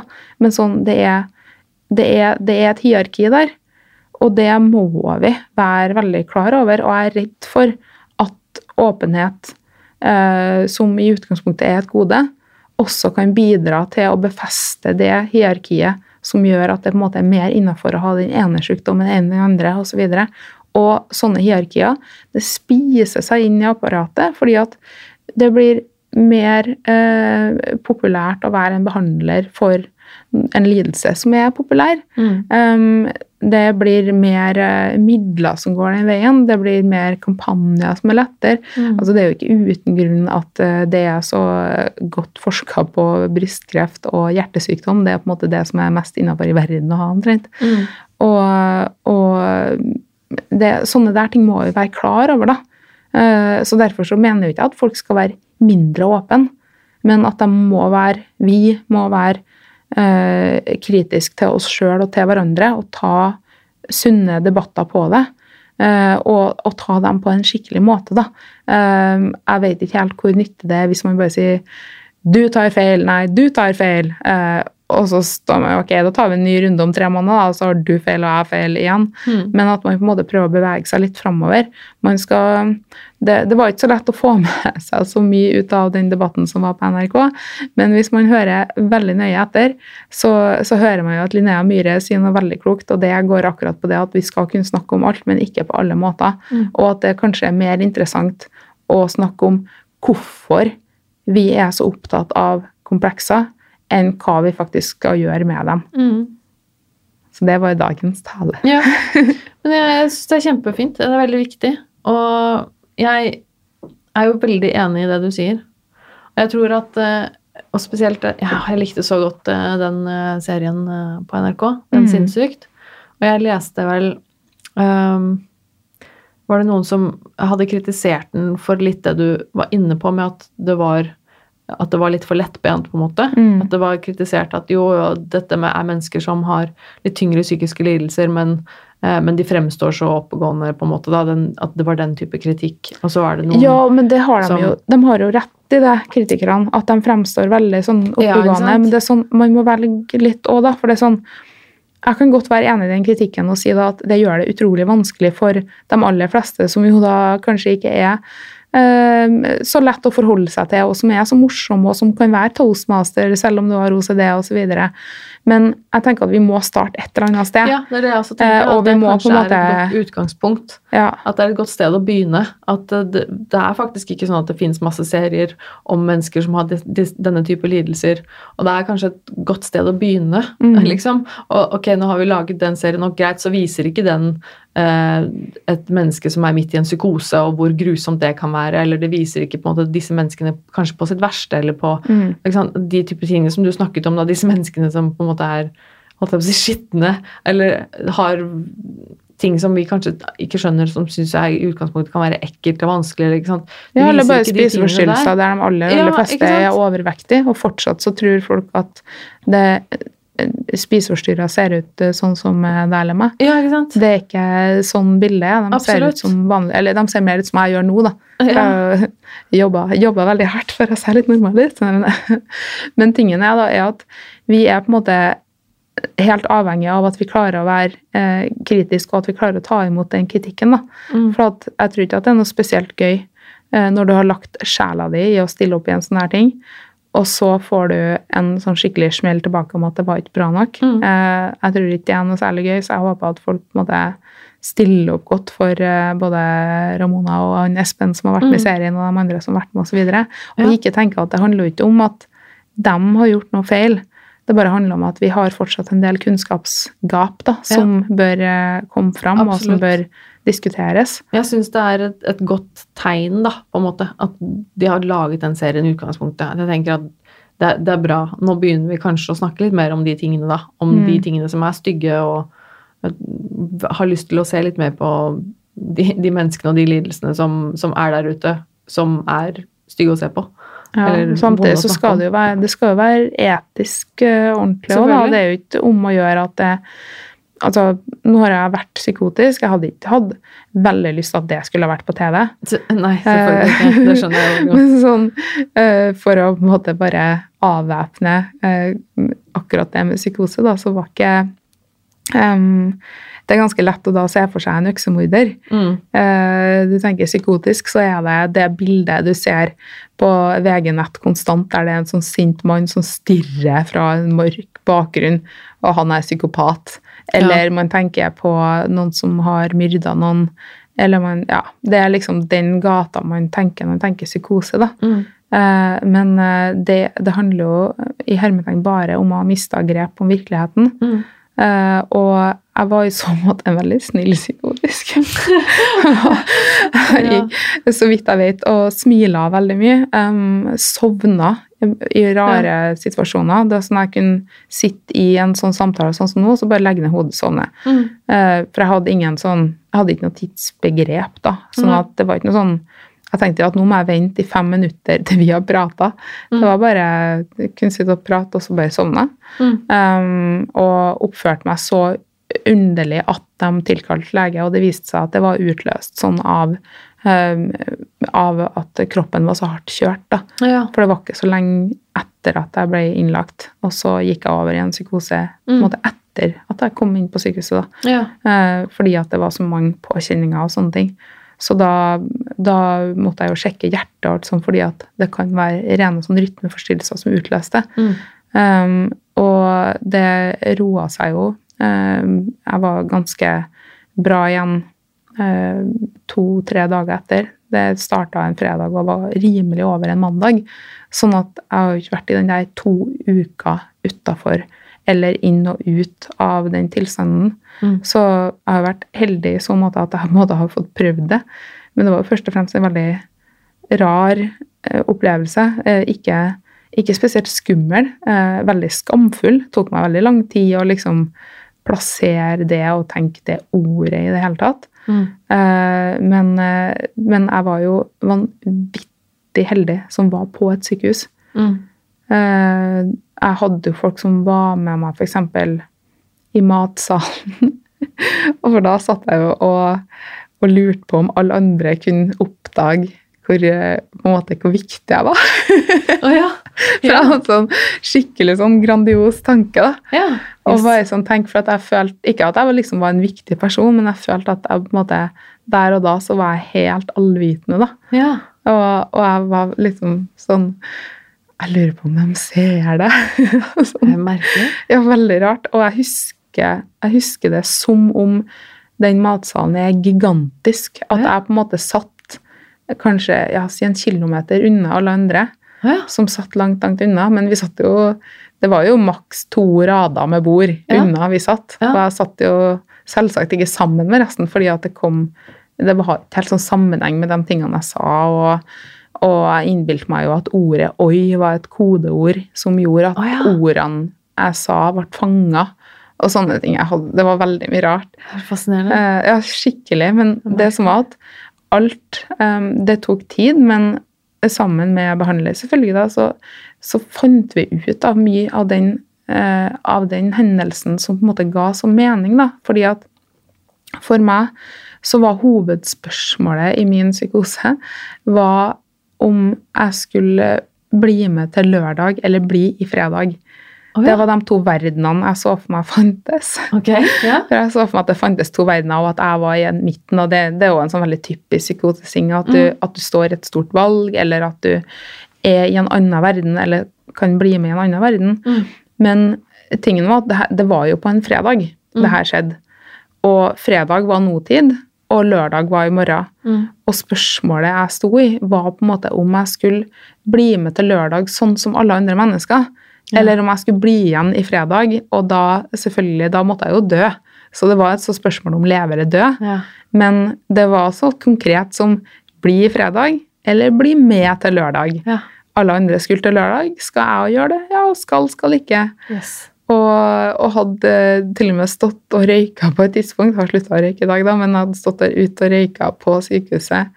Kav psykotisk, men jeg var jo så rolig, så det var ikke noe problem. Nei. Men da hadde jeg jo stått og sagt til en annen medpasient som bare sånn Ja, skal du til lørdag, da? Og hun hadde bare sånn Hva mener du? Og hun hadde bare Hva er det med deg? Jeg bare Nei. Jeg vet ikke om jeg skal til lørdag, eller Helt sånn meningsløst, da. Men sånn så neppe kan det være, da. Ja. Det trenger ikke å være på en måte skrik og hyl og rop. Jeg var bare litt ekstra rar og Ja. måtte følges ekstra med på. Mye pga. kroppen. Jeg måtte jo ned på St. Olavs på det somatiske sykehuset og så videre for å liksom sjekke skikkelig. Og så jeg var der Mm. hele dagen, kom tilbake og hadde følge til senga. Uh, ja, ok. Litt rar, ekstra rar var jeg på morgenen, faktisk. Eh, fordi at da nattvakta gikk eh, morgens runde klokka seks De hadde jo da vært inn til meg hele gjennom natta, men det var den seksrunden. Så hadde hun kommet inn, og da hadde jeg stått opp, splitter naken, eh, men da satt på huk og tegna to søyler, som da var fredag og lørdag, og prøvde liksom å jeg prøvde å rydde opp i det her sjøl, og på en måte skjønne det. Eh, og så spurte hun liksom om det går bra, Ja. og så hadde jeg bare sagt ja, og så hadde hun bare da lar jeg deg bare sitte okay. der. og gikk ikke noe sånn. For hvis du begynner med hvis du begynner sånn eh, Nei, det her er ikke ekte, eller det her Ja, skjer ja. ikke. Da kan du bli redd, ikke sant? Ja. Men folk var jo helt nydelige. Det her var bein ned til skinnet profesjonelle mennesker Mm. som oppførte seg så rolig, som ikke protesterte på mine sånn Jeg kan dessverre ikke si ordet 'oi'. Nei, der sa jeg det. Oi, oi! Og så fikk jeg panikk, og så sovna jeg. Det er sånn, Ja. det er sånn de, de tok alt sånn superkult, Mm. og ingen andre pasienter fikk med seg hva som egentlig skjedde, så vidt jeg vet, da, og Mm. bortsett fra det der røykeepisoden der det var sånn Ok, hvilken dag er du på der? Og det er sånn Hvis du har det riktige apparatet, så kan også en psykose gå veldig, veldig bra, da. Mm. Og, og det gikk over og ut i ingenting. Mm. Og, og nå eh, det her er kanskje det meste jeg har snakka om akkurat den episoden, tror jeg. Det er ikke noe jeg snakker veldig ofte om, fordi at det er så rart. Ja. eh, og, og, og egentlig sånn bundet til veldig mye skam. Men nå har det jo gått så lang tid at det er litt sånn komisk. Ja. Og, og også noe jeg føler at jeg egentlig savner litt, fordi at på mandag, da det her var sånn sett over, jeg hadde valgt lørdag. Ja. Jeg hadde liksom bestemt meg for lørdag, jeg hadde bestemt meg for livet. Mm. Og den euforien på mandag å bare si jeg har tatt et valg om å leve, Ja. og føle veldig på det, det var så vanvittig motiverende. Eh, og det gikk jo kjempebra med behandling og sånn da akkurat da, fordi Mm. at da var jeg så Jeg hadde jo virkelig tatt et valg. Ja. Så det var jo en sånn, det var en sånn logikk i psykosen, selv om man kan si at, sånn, at du har mista kontakt med virkeligheten. Men på sett og vis så var jeg veldig tett på han også, da. Mm. Fordi at jeg fikk jo på en måte virkelig rydda i hva er det som betyr noe. Og så i det måte, i da dagliglivet på sykehus og utafor sykehus, så mister man jo det litt igjen. da. Mm. Så jeg savner på en måte litt den å være så soleklar på Hei, jeg har bestemt meg for å leve, og da må Mm. jeg gjøre alle de tingene som skal til. Uh, selv om jeg ikke tenker at det er så veldig nyttig å sitte naken og tegne. Det var liksom På en måte så var det liksom din virkelighet bare veldig, veldig kokt ned. Sånn Veldig konsentrert Ja. versjon av din lille virkelighet der og da, på en måte. Ja, og det, og det gir jo også mening på det at jeg var så horribelt underernært at kanskje var det den Mm. eneste kapasiteten jeg hadde igjen omtrent. da. Ja. Og tenke liksom helt ned til bokstavelig talt beinet på hva som var viktig og ikke. Ja. Uh, og det gjorde jo at jeg fikk en veldig sånn motivasjon da, for uh, framgang. Uh, så jeg tror at jeg, jeg tror det liksom jeg vil ikke ha jeg vil ikke anbefalt psykose som en veldig bra måte å starte et behandlingsforløp på.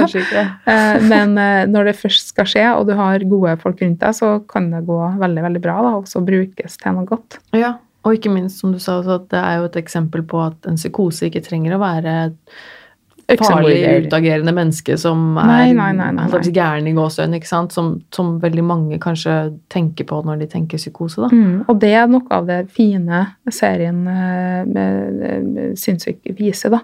At det på en måte eh, Selv om ja, det er kanskje litt overnormaliserende, men vi trenger faktisk først å få bort litt fordommer, sånn at vi Mm. klarer å se et større Ja. bilde etter hvert. Og at det er jo faktisk normale mennesker, dette. Det er liksom Mm. deg og meg. Det er mennesker som er ute på butikken, og det er mennesker som skal ha seg en jobb. Det er mennesker som skal være toastmaster i et bryllup. Altså, Ikke minst det, det er mennesker du kan be om ting, og du kan sette krav til. Ja. For det er nesten ingenting som er så horribelt som å føle seg ubrukelig eller uønska osv.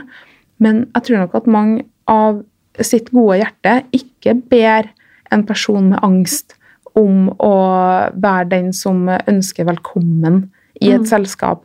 Det er mange som på en måte tenker at du, at jeg skal ikke, jeg skal ikke legge enda en belastning på den personen, og som er kjempeglad i vennen sin, og derfor ikke på en måte utfordre på den måten. Mm. Men vi må, vi må tenke at det her er jo, det er jo voksne folk Mm. eh, med, med ønsker og behov som andre, og alle har behov for å føle seg nyttig. Og kanskje får ikke du det til den ene gangen, kanskje må du si nei, men det å bli spurt, Mm. det er faen meg av høy verdi, altså. Og, og, og det trenger ikke å være psykisk sykdom. Um, hun Venninna mi som skriver bok nå, hun skriver bok om ME. Ja. Uh, og den, når du ikke blir spurt om å gjøre ting, for du, er- folk er så vant til at du sier nei. Ja. Eh, du spør har du lyst til å finne på noe i dag. Nei, jeg kan ikke. Har du lyst til å finne på noe i morgen. Nei, jeg kan ikke. Når du har sagt nei elleve ganger, når vennen din da spør den tolvte gangen jeg vil finne på noe, som om vennen din er totalt idiot og ikke lærer av tidligere erfaringer. liksom. Det er de beste vennene Mm. som ikke tenker nei, hun sier nei uansett, nei, jeg vil ikke gi henne dårlig samvittighet osv. Og, så Mm. og den personen da kan si vet du at akkurat nå, nå får jeg det til. Mm. Nå blir jeg med. Og så får du en ny runde, ok, med 20 avslag, da. Men at du aldri slutter å spørre. Mm. Og, og at uh, folk kan klare ganske store ting. Kanskje noen andre ganger så får ikke han det til, men at du bare fortsetter å, å være eh, så normal som mulig der. da. At du på en måte ikke gir opp, at du ikke snur det til en sånn Kanskje er det meg det er noe feil med, eller noe sånt.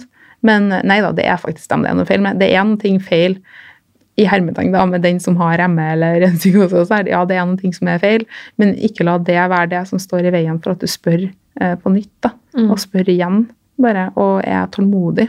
Mm. For det, plutselig så kommer det en åpning, og da kan man bare være med. Og det er mye mer motiverende å, å være deltakende og være nyttig enn det å skulle jobbe mot noe så absurd, abstrakt som frisk. Hva faen Ja. det er noe, jeg. Hvem er det som er det? Liksom? Nei, det, å, det der begrepet frisk også, jeg har så store problemer med det. Jeg syns det er det er, det, det er feil, liksom. Det, er veldig, det kan være et veldig hemmende begrep. da. Ja. Ah. Jeg tenkte, jeg var 100 svart-hvitt eh, tidligere. Eh, jeg var veldig sånn Jeg skal bli innlagt sånn at jeg kan bli frisk, for da kan jeg begynne å leve. Det var den 1, 2, 3-en der. Mm. Men jeg kom jo aldri lenger enn til to. Og det ble bare krøll. Og, og jeg, jeg fikk jo ikke blitt frisk. Og tenker bare Men er jeg da mislykka? Er det da noe vits i det hele tatt? Men det viktigste fant jeg ut var jo at det er ikke den der skalaen jeg skal være på. Den skalaen der er totalt irrelevant. Mm. Det som er relevant, er hvordan jeg har det, og hva jeg gjør. Mm. Og det å gjøre friske ting er så vanvittig mye mer eh, håndgripelig enn det å skal bli frisk. Mm. Og på en måte ha en sånn definisjon. Og, og litt sånn, hva skal du gjøre når du har kommet dit, da? Enn hvis at livet da har gått langt forbi, og på en måte de tingene du, de, alle de togene du skulle hoppa på, men så venta du fordi at nei, jeg kan ikke bli med, jeg må bli frisk først. Da. Mm -hmm. Altså Det går an å være med på jævla mye, selv om du har et par skavanker. da. Mm. Og så får det heller bare bli litt sånn tilpassa. Det er ikke alltid at en får til å gjøre det nøyaktig like som alle andre, men sånn er nå en del av livet, da. Ja. Og det er sånn eh, Kanskje skal man ha et handikap for bestandig, eh, men da har man i det minste levd samtidig som man har hatt det. Mm. Og så, på magisk vis, da, så vil det jo Det gir en sånn mersmak, det å gjøre friske ting, selv om det kanskje er litt vanskelig og anstrengende, så gir det en mersmak. Og det er sånn Altså, si at vi mennesker er den her flaska med brus Mm. så er det bare plass til en halvliter i en flaske. Og hvis du fyller opp med 3 dl friskt, så er det bare igjen plass til 2 dl sykt. Og hvis du fyller på med mer og mer og mer av de friske tingene, så er det liksom ikke plass igjen. Mm. Kanskje min dårligste metafor på en stund, men, men jeg er også litt tørst. Så jeg tenkte jeg skulle drikke Ikke for å gjøre plass til mer sjukt, men Nei, bare for at helt- brus er godt. Jeg er helt enig med deg, og jeg tror det er kjempeviktig å, å ta, de, ta de små seierne og gjøre de friske tingene og, og, og, og prøve å la de tingene påvirke deg, på en måte. At Ja, og ikke ta alle kampene. mm, For det er sånn, eh, jeg tenker uh, I går spiste vi, vi spiste eh, sushi sammen. Um, og det å kjøpe mat på restaurant og spise alt sånt, her, det, det syns jeg er superenkelt, for da ser jeg ikke at maten blir laga. mm, Det der handler ikke om spiseforstyrrelsen, men om OCD. mm, Fordi at hvis jeg ser at noen f.eks. tar mat, eller hvis jeg har muligheten til å kontrollere hvordan folk lager mat, ja. at det ikke blir skittent, at Mhm. ingen tar på med hendene, gud forby at noen er borte med hendene, da, det, det klikker helt for meg. Liksom. Derfor så er det veldig vanskelig for meg å være hjemme hos noen mens de lager mat. ja. Fordi at jeg blir så kontrollerende. Jeg vil bare jeg vil blande meg, jeg, jeg står og stirrer på den kniven og tenker 'hvor har den vært?' Ja. Og jeg er helt sånn, jeg klarer ikke å, jeg klarer ikke å, å tenke på andre ting. og blir veldig, Jeg blir mutt og sur. Jeg får veldig mye angst. Ja. Og, eh, og, og det tar så mye plass. da, Og Ja. da, det spiser meg skikkelig opp Ja. innenfra. Så, og da blir jeg blir en dårlig versjon av meg sjøl hvis Ja. at folk holder på å lage mat, for da vil jeg blande meg. Ja. Så når jeg er hjemme til mamma, eksempel, så går jeg jo i et annet rom heller. Hvis ikke så begynner jeg å styre og stelle. Men restaurant, der har jeg, jeg har kommet så langt i min prosess, eller hva jeg skal kalle det, Ja. at der på en måte, jeg later som ingenting. Ja. Jeg later som at, eh, som at maten bare kommer i en steril boks. Ja. Med, med der sashimien min er på en måte, den er, den er helt perfekt. den. Og jeg skjønner at det der er ikke det er ikke helt på nett å drive på og tenke sånn. Og jeg skjønner at jeg tar feil. Jeg skjønner at hvis venninna mi hadde laga det, så hadde det vært mye mer hygienisk. Det hadde sikkert vært sunnere. Det hadde vært eh, sikkert mindre, mindre kalorier, som egentlig burde ha vært en sånn bonus i det hodet mitt. Men jeg er ikke så veldig, jeg er ikke noe spesielt redd for kalorier. Jeg er bare veldig redd for hender som kan ha Mm. tatt på. Det er jo helt sånn knakkas der. Så jeg skjønner helt logisk at det hadde vært en bedre deal at venninna mi laga det. Eh, og samtidig så tenker jeg hvis vi skal ha en hyggelig kveld, Mm. så er det ikke verdt at jeg skal, jeg skal ikke drive og øve meg konstant på vennene mine og sånn. Jeg skal ikke ha en, jeg skal ikke ha en sånn her eh, Hva heter OCD-behandlinga igjen? da, Når du har eksponeringsterapi med, med, med responsprevensjon, Mm. heter det da. og det er ikke det jeg skal gjøre på en venninnekveld. Da Nei. skulle vi holdt på med boka hennes. da. liksom helt unødvendig å Ja, drive med det. og da er det så mye bedre å gå innom en restaurant, Mm. ha med en boks med sashimi som sikkert er skitten og ekkel, men jeg skjønner ikke sjøl, fordi at jeg har valgt å blokkere det fra hodet mitt, Ja. og kose seg med det, og dyppe det i soyasaus og bare ha det fint som venner. Og så får jeg heller jobbe med andre ting senere. da. Sånn at man på en måte Det tror jeg kanskje er en av mine store nøkler i livet, at jeg er blitt mer fleksibel. Ja. Det å bli mindre sort-hvitt-tenkende og litt mer fleksibel, Mm. det er så gull. Og der, er, der er hele den nøkkelen med frisk-begrepet. da. At hvis man tenker at jeg er nødt til å bli frisk først, derfor må jeg jobbe med det hver eneste dag og hele tida, jeg tenker gi deg sjøl litt slekke, fordi at friske folk de er ikke spesielt normale, de heller. De gjør veldig mye rart. Og de har i motsetning til oss kanskje ikke så mye behov for å sette merkelapper på alt mulig. Mm. Det er sånn, Når jeg er utrolig opptatt av hvilken eh, eh, Om jeg egentlig har vaska innsida på skoene mine.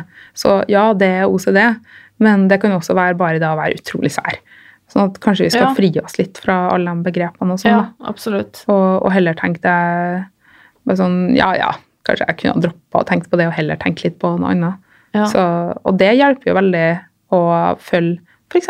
traumekontoer på Instagram, for da tenker du litt på sånne ting. Ja. Og det har vært Det er også en sånn nøkkel for min del, at jeg bryr meg eh, Jeg bryr meg veldig, veldig om verden og folk og andre mennesker. eh, til den grad at det selvfølgelig sikkert kan settes en diagnose på det òg. Kanskje høysensitiv, som da ikke er en diagnose, men veldig populært å si. Sant? Som Ja. jeg oppfyller alle kriteriene til herfra til månen. jeg er sånn ekstremt opptatt av hvordan andre har det, og tar inn veldig mye osv. Ja. Men man trenger ikke å sette en diagnose på, man trenger bare å fungere. Ja. Det er det som er viktig. da. Ja. Eh, og, og, og, og prøve å, være mer opptatt av folk og verden enn seg sjøl. Da blir det automatisk litt mindre plass til de vanskelige tankene. I Men hvert fall for min del. Men det, jeg syns jo det er veldig altså det, der, og det begrepet frisk også, det blir så Det blir for svart-hvitt for meg. liksom, at Det Mm. funker liksom ikke. Hva er frisk, da? Det er liksom, Man blir jo aldri det bare er sånn jeg, Vi trenger et bedre ord. liksom, Jeg har ikke noe bedre ord. Jeg bruker det jo på en måte iblant, jeg også. liksom Frisk i gåseøynene, hva man skal si. For at det er litt vanskelig å finne Men jeg, jeg syns det, det er vanskelig det der med, med, med frisk og syk. Det blir liksom fordi at det, er som Også det med diagnoser òg, for at jeg tenker sånn Men husk at frisk er jo knytta Frisk på den måten vi vanligvis snakker om det på, er jo knytta direkte opp imot atferd. Ja. Eh, og atferd er jo bare det som er utapå.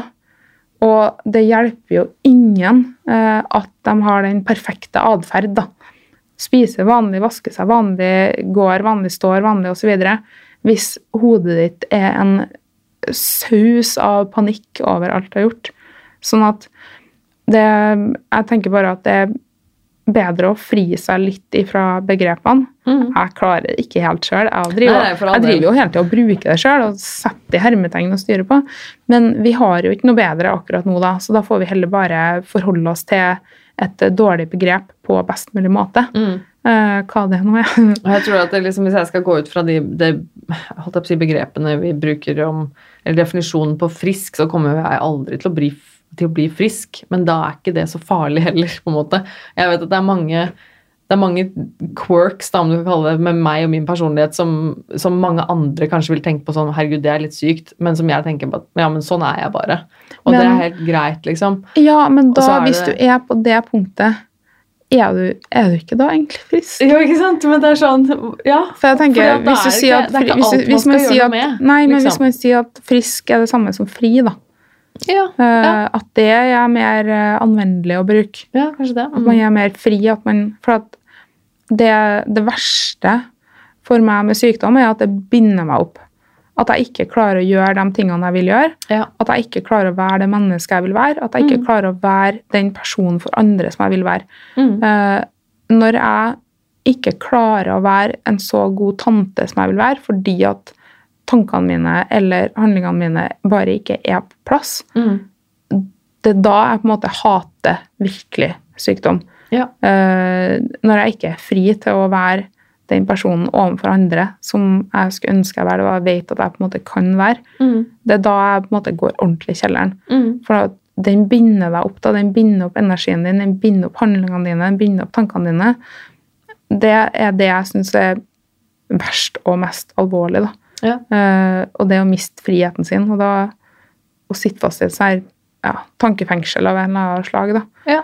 Og det er sånn, Hvis man heller kan tenke at man er mer eller mindre fri, Mm. Eh, og da ikke være så opptatt av om det er litt haltende handlinger osv., så, videre, så tenker jeg kanskje at det er litt mer konstruktivt da, enn at man skal oppfylle diagnosekriteriene for frisk eller syk. Ja, og jeg tenker også at spesielt det der med ah, jeg er vel- diagnoser og sånn er jeg veldig liksom, opptatt av at det, man skal ikke nødvendigvis drive og sette diagnoser på alt mulig hele tiden. og man skal ha, Diagnoser skal være et verktøy. det skal være, Hvis man skal sette en diagnose, skal det være fordi man skal bruke den til noe, ikke fordi det bare skal være et stempel. Ja, Men nå har jo diagnoser blitt nesten litt sånn adjektiv historie. Der folk, der folk lager seg en eh, Ja, i dag så har jeg hatt litt OCD på klesvasken, og da ble jeg litt sånn Nei, du har ikke hatt litt eh, OCD. Å ja, men, men jeg syns det du sier med, med, med fri, er egentlig et veldig fint ord å bruke da. Mm. Og da, da det kan jeg liksom kjenne litt på at jeg jeg, har, jeg klarer liksom ikke å forholde meg til det begrepet frisk. Uh, men, men fri, det kan jeg liksom forholde meg til mer. Og da kjenner jeg at hvis jeg tenker på frihet og om jeg er fri, da da jeg liksom tenker at ok, men jeg har fortsatt en god vei å gå. Mm. Men der kan jeg tenke sånn uh, at f.eks. jeg har mye quirks med la oss kalle det OCD da, eller tvangstanker eller sånne ting hvor, mm, i småting i hverdagen uh, liksom som, uh, som kan være litt sånn plagsomt, men det er ikke jeg, jeg tenker at det kan jeg leve med. Om jeg er Mm. nødt til å liksom uh, børste av føttene mine veldig mye før jeg tar dem opp i senga fordi at jeg er redd for å få rusk i senga, eller hva det skal være. Eller måten jeg setter opp ting på mat, eller ting skal stå der eller der, eller ikke sånn og sånn. Det er på en måte det er småting som ikke nødvendigvis plager meg. Det er ting jeg kan leve med resten av livet, om, om det er ting jeg ikke Om det ikke går bort noen gang, liksom. Mm. Det hemmer ikke min frihet, da. Mm. Men om det er ting som gjør at min angst blir så krøplende at jeg ikke klarer å gå ut døra, eller at som du sier, at du ikke kanskje klarer å være den tanta du vil for nevøene, eller ikke sant. Eh, samme med meg, om jeg ikke klarer å være den venninna jeg vil for vennene mine, eller at jeg ikke klarer å være en god kjæreste fordi at jeg blir så lite fri til å gjøre de tingene jeg har lyst til å gjøre, eller oppleve de tingene jeg har lyst til å oppleve. Mm. Det er da jeg merker at liksom Det er det, det, er det som er plagsomt. Da. Jeg må si en tilleggsting der. At jeg, jeg var jo helt besatt på å bli frisk, spesielt da jeg fikk vite at jeg skulle bli tante for første gang. Um, for jeg, jeg, jeg, jeg er helt fjollete glad i brødrene mine. det er sånn jeg er veldig, veldig lillesøster der, og vi, vi krangler veldig mye, men jeg er ekstremt glad i dem. Og i svigerinnene mine og eh, og de nå fem ungene. Men jeg var, jeg var så redd for å bli den sjuke tanta. Mm. Eh, og nå når jeg står her og jo Ja, nei, jeg er ikke den friske tanta eller noe sånt, men det er ikke det som er viktig for dem. Nei. For dem så er ikke det viktig eh, vil, eller hvilken diagnose eller ditten og datten, eller om jeg har hvilken dag jeg har, osv. For dem er det viktig at jeg bryr meg om dem, Mm. og at jeg syns at dem er det, De er jo, som jeg har nevnt, de beste ungene på jord. ja. som da ingen kan konkurrere med dem. Det er bare å glemme med en gang. ja. Um, det er sånn De bryr seg bare om at jeg bryr meg om dem. Mm. Og ja, tante er litt rar, liksom, og, og, og nevøen min har liksom sagt sånn Ja, men sånn der tror ikke jeg tante vil spise, pappa. Og det Ja. var sånn som jeg ville ha tenkt. Det har vært en katastrofe. At jeg på en måte, herregud, jeg har påvirka dem, herregud, de kommer til å bli syke hele gjengen, og livredd for å gi Ja. dem en slags sånn arv, ikke sant. Ja. Og, og de, nei, da kan ikke de se meg, da må jeg holde meg unna, og, og jeg kan ikke ødelegge for dem, osv. Mm. Men det er ikke det som er viktig for dem. Det viktige for dem er, er bare det at du har lyst til å være der for dem, at du, at du er oppmerksom på dem. Mm. Det er mye viktigere for dem at, at når jeg er sammen med dem, så kan jeg legge bort telefonen og se dem i øynene liksom, og leke med dem, eller at de får leke med telefonen min. De syns jo den er gøyere enn meg. Som Men, alle sant, det er sånn, ja. Men sånn, det, det er sånne ting man må vri litt på, da. Og, og vennene mine øh, Nå har jeg, jeg Jeg fatter ikke hvor hen de har ploppa opp fra, liksom, og hvorfor de gidder å, å, å, å henge med meg i det hele tatt. Men de, de er så fine, da, for det er sånn Jeg kan føle at jeg må på en måte stille opp og være veldig på når jeg skal møte dem, mens de kan si bare sånn de, Vi driter jo i det. Mm. Vi vil bare være litt sammen med deg, liksom. Mm. Så ok, du fikk ikke det til i går, men kan ikke få det til i dag, da? Så kan vi bare gå på kino eller se et eller annet på TV eller noe sånt. Og det er ikke viktig at du på en måte er den vennen du har bestemt at du skal være inni hodet ditt. Mm. og sånn. Sånn at kravene fra omverdenen er ganske mye lavere enn hva man innbiller seg en del ganger, tror jeg. Enn de kravene du setter til deg selv. Ja, sånn de er jo bare å glemme. ja. ja, åh gud, ja. Mm. Ja, det var egentlig en shout-out til min familie, og venner som er så fin. Mm. Men det, ja, de, de er jo der også fordi at du på en måte har gjort et eller annet bra sjøl. Det er jo, går jo begge veiene, men det, der er ikke helt annet at jeg klarer å tenke sånn. Ja, nei, det er fordi at jeg er så bra. Det får bli et neste liv eller noe sånt, Ja. tror jeg. Men jeg må spørre, for jeg er litt, jeg er litt nysgjerrig. Jeg sliter jo fortsatt ganske mye med, eh, med mat, da. Mm. Jeg sliter jo med disse mønstrene som går utover maten, holdt jeg på å si. Åssen er det med deg nå? Syns du det går bedre?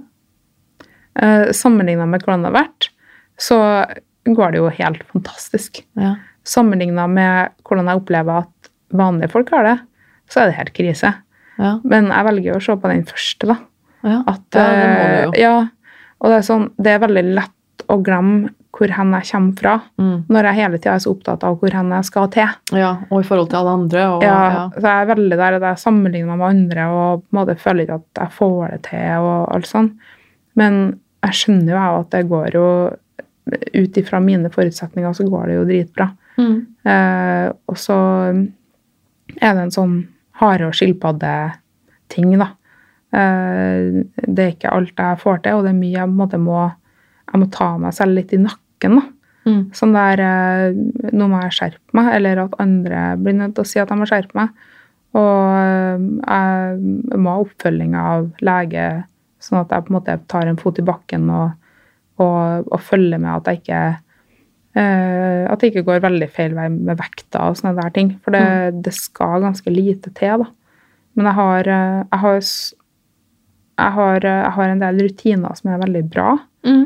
Eh, og jeg har en del sånne triks.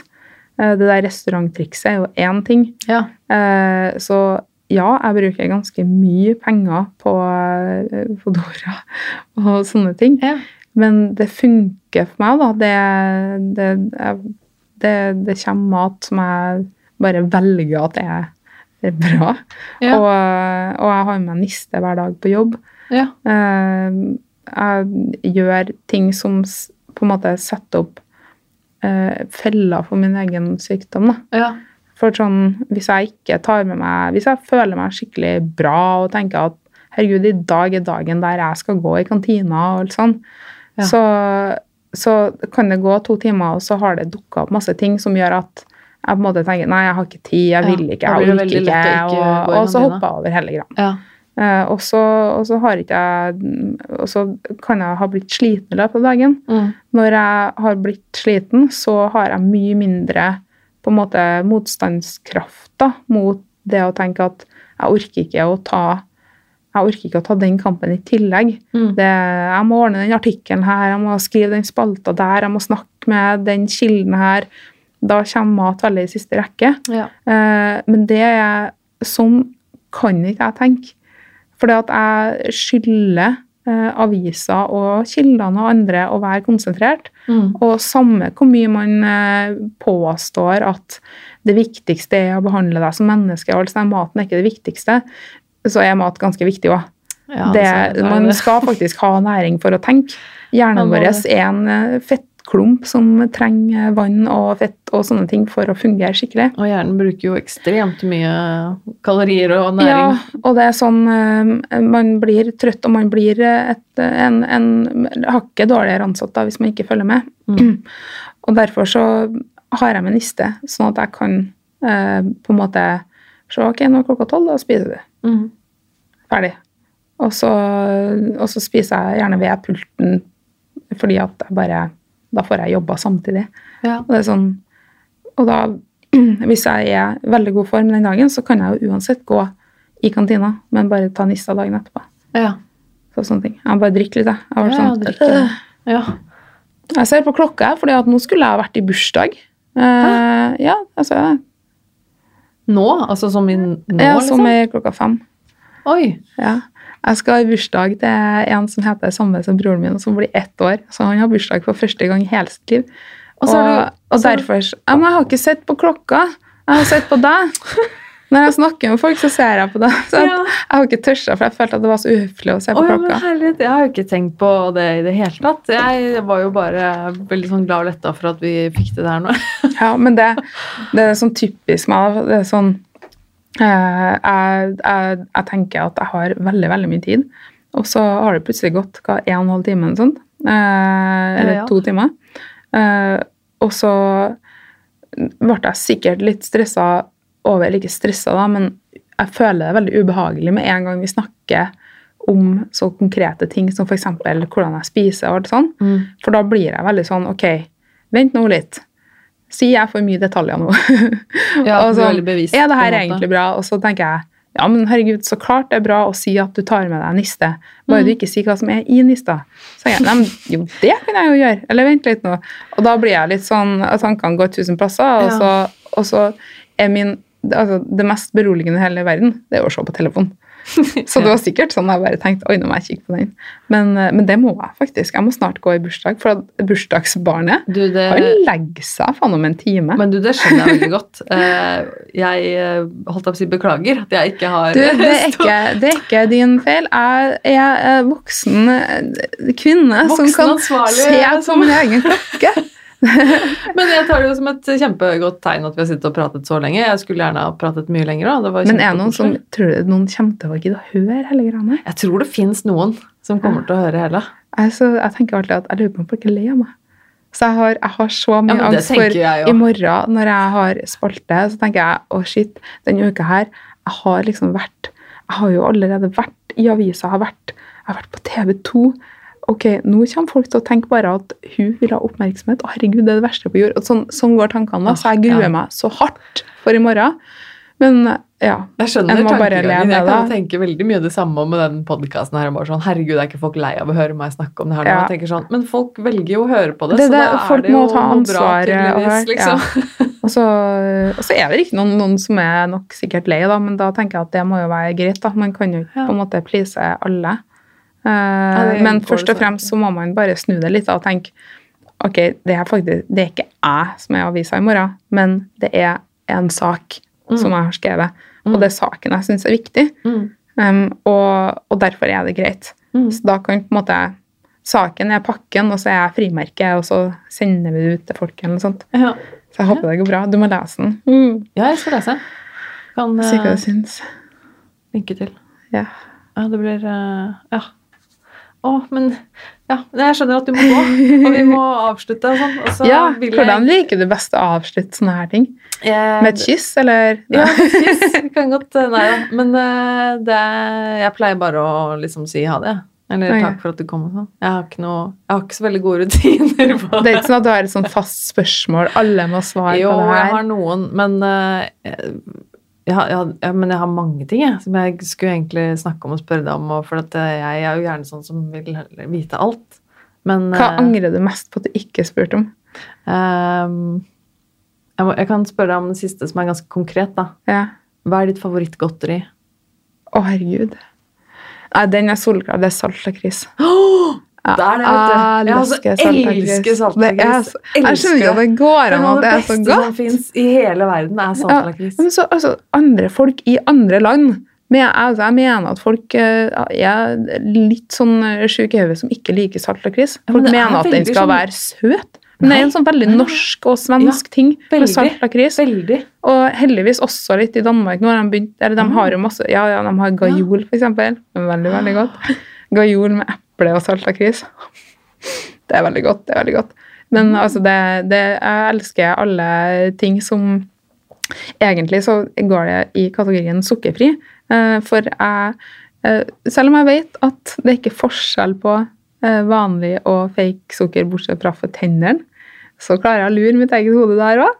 Så jeg koser meg så hardt med sånn godteri, som da er sukkerfritt. Og så får vi se kanskje senere i gang om jeg får utfordra meg mer på de tingene. Men da koser jeg meg veldig. Åh, men saltlakris er jo Det er så godt. Det holder jeg med deg i. Ja, Jeg, jeg, jeg har Salt lakris med karamellsmak. Som har kommet inn. Det er djupt-grana. Oh. Det er veldig godt. Veldig godt. shit. Jeg, åh, saltlakris. Ja, det er sånn Det er noe av det beste som fins i hele verden. Ja, men da er vi enige i det. Ja. Da har vi en, enda en ting som vi har til felles. Men jeg må jo bare si tusen hjertelig takk for at du kom. Jeg syns det var utrolig koselig at du kom, og veldig hyggelig samtale. Jeg gleder meg til å gi ut denne episoden nå. Det er sånn deilig følelse. Nå går jeg fra, jeg fra studio etterpå, så har jeg sånn deilig følelse. Jeg tenker sånn, åh, yes, nå gleder jeg meg til å dele dette med lytterne mine. Det elsker jeg når jeg har en sånn følelse. Og så heldig det er som har den følelsen. Den må du jo dyrke. Jeg prøver. Jeg, Jeg er prøver sånn helt motsatt. Når jeg er ferdig med noe, så tenker jeg bare Det her er faktisk det verste som har blitt laga noen gang. Det Jeg sånn pleier som regel å føle på Nei, de men ikke følelsene gjør der, det. men Tenk- ikke, nå. du Denne har nå. i dag så vet jeg at nå har jeg, nå har jeg laget noe sammen med deg som jeg kan glede meg til å gi ut som en episode. Åh. Det er en deilig følelse. Ja, Så tusen takk. takk for meg.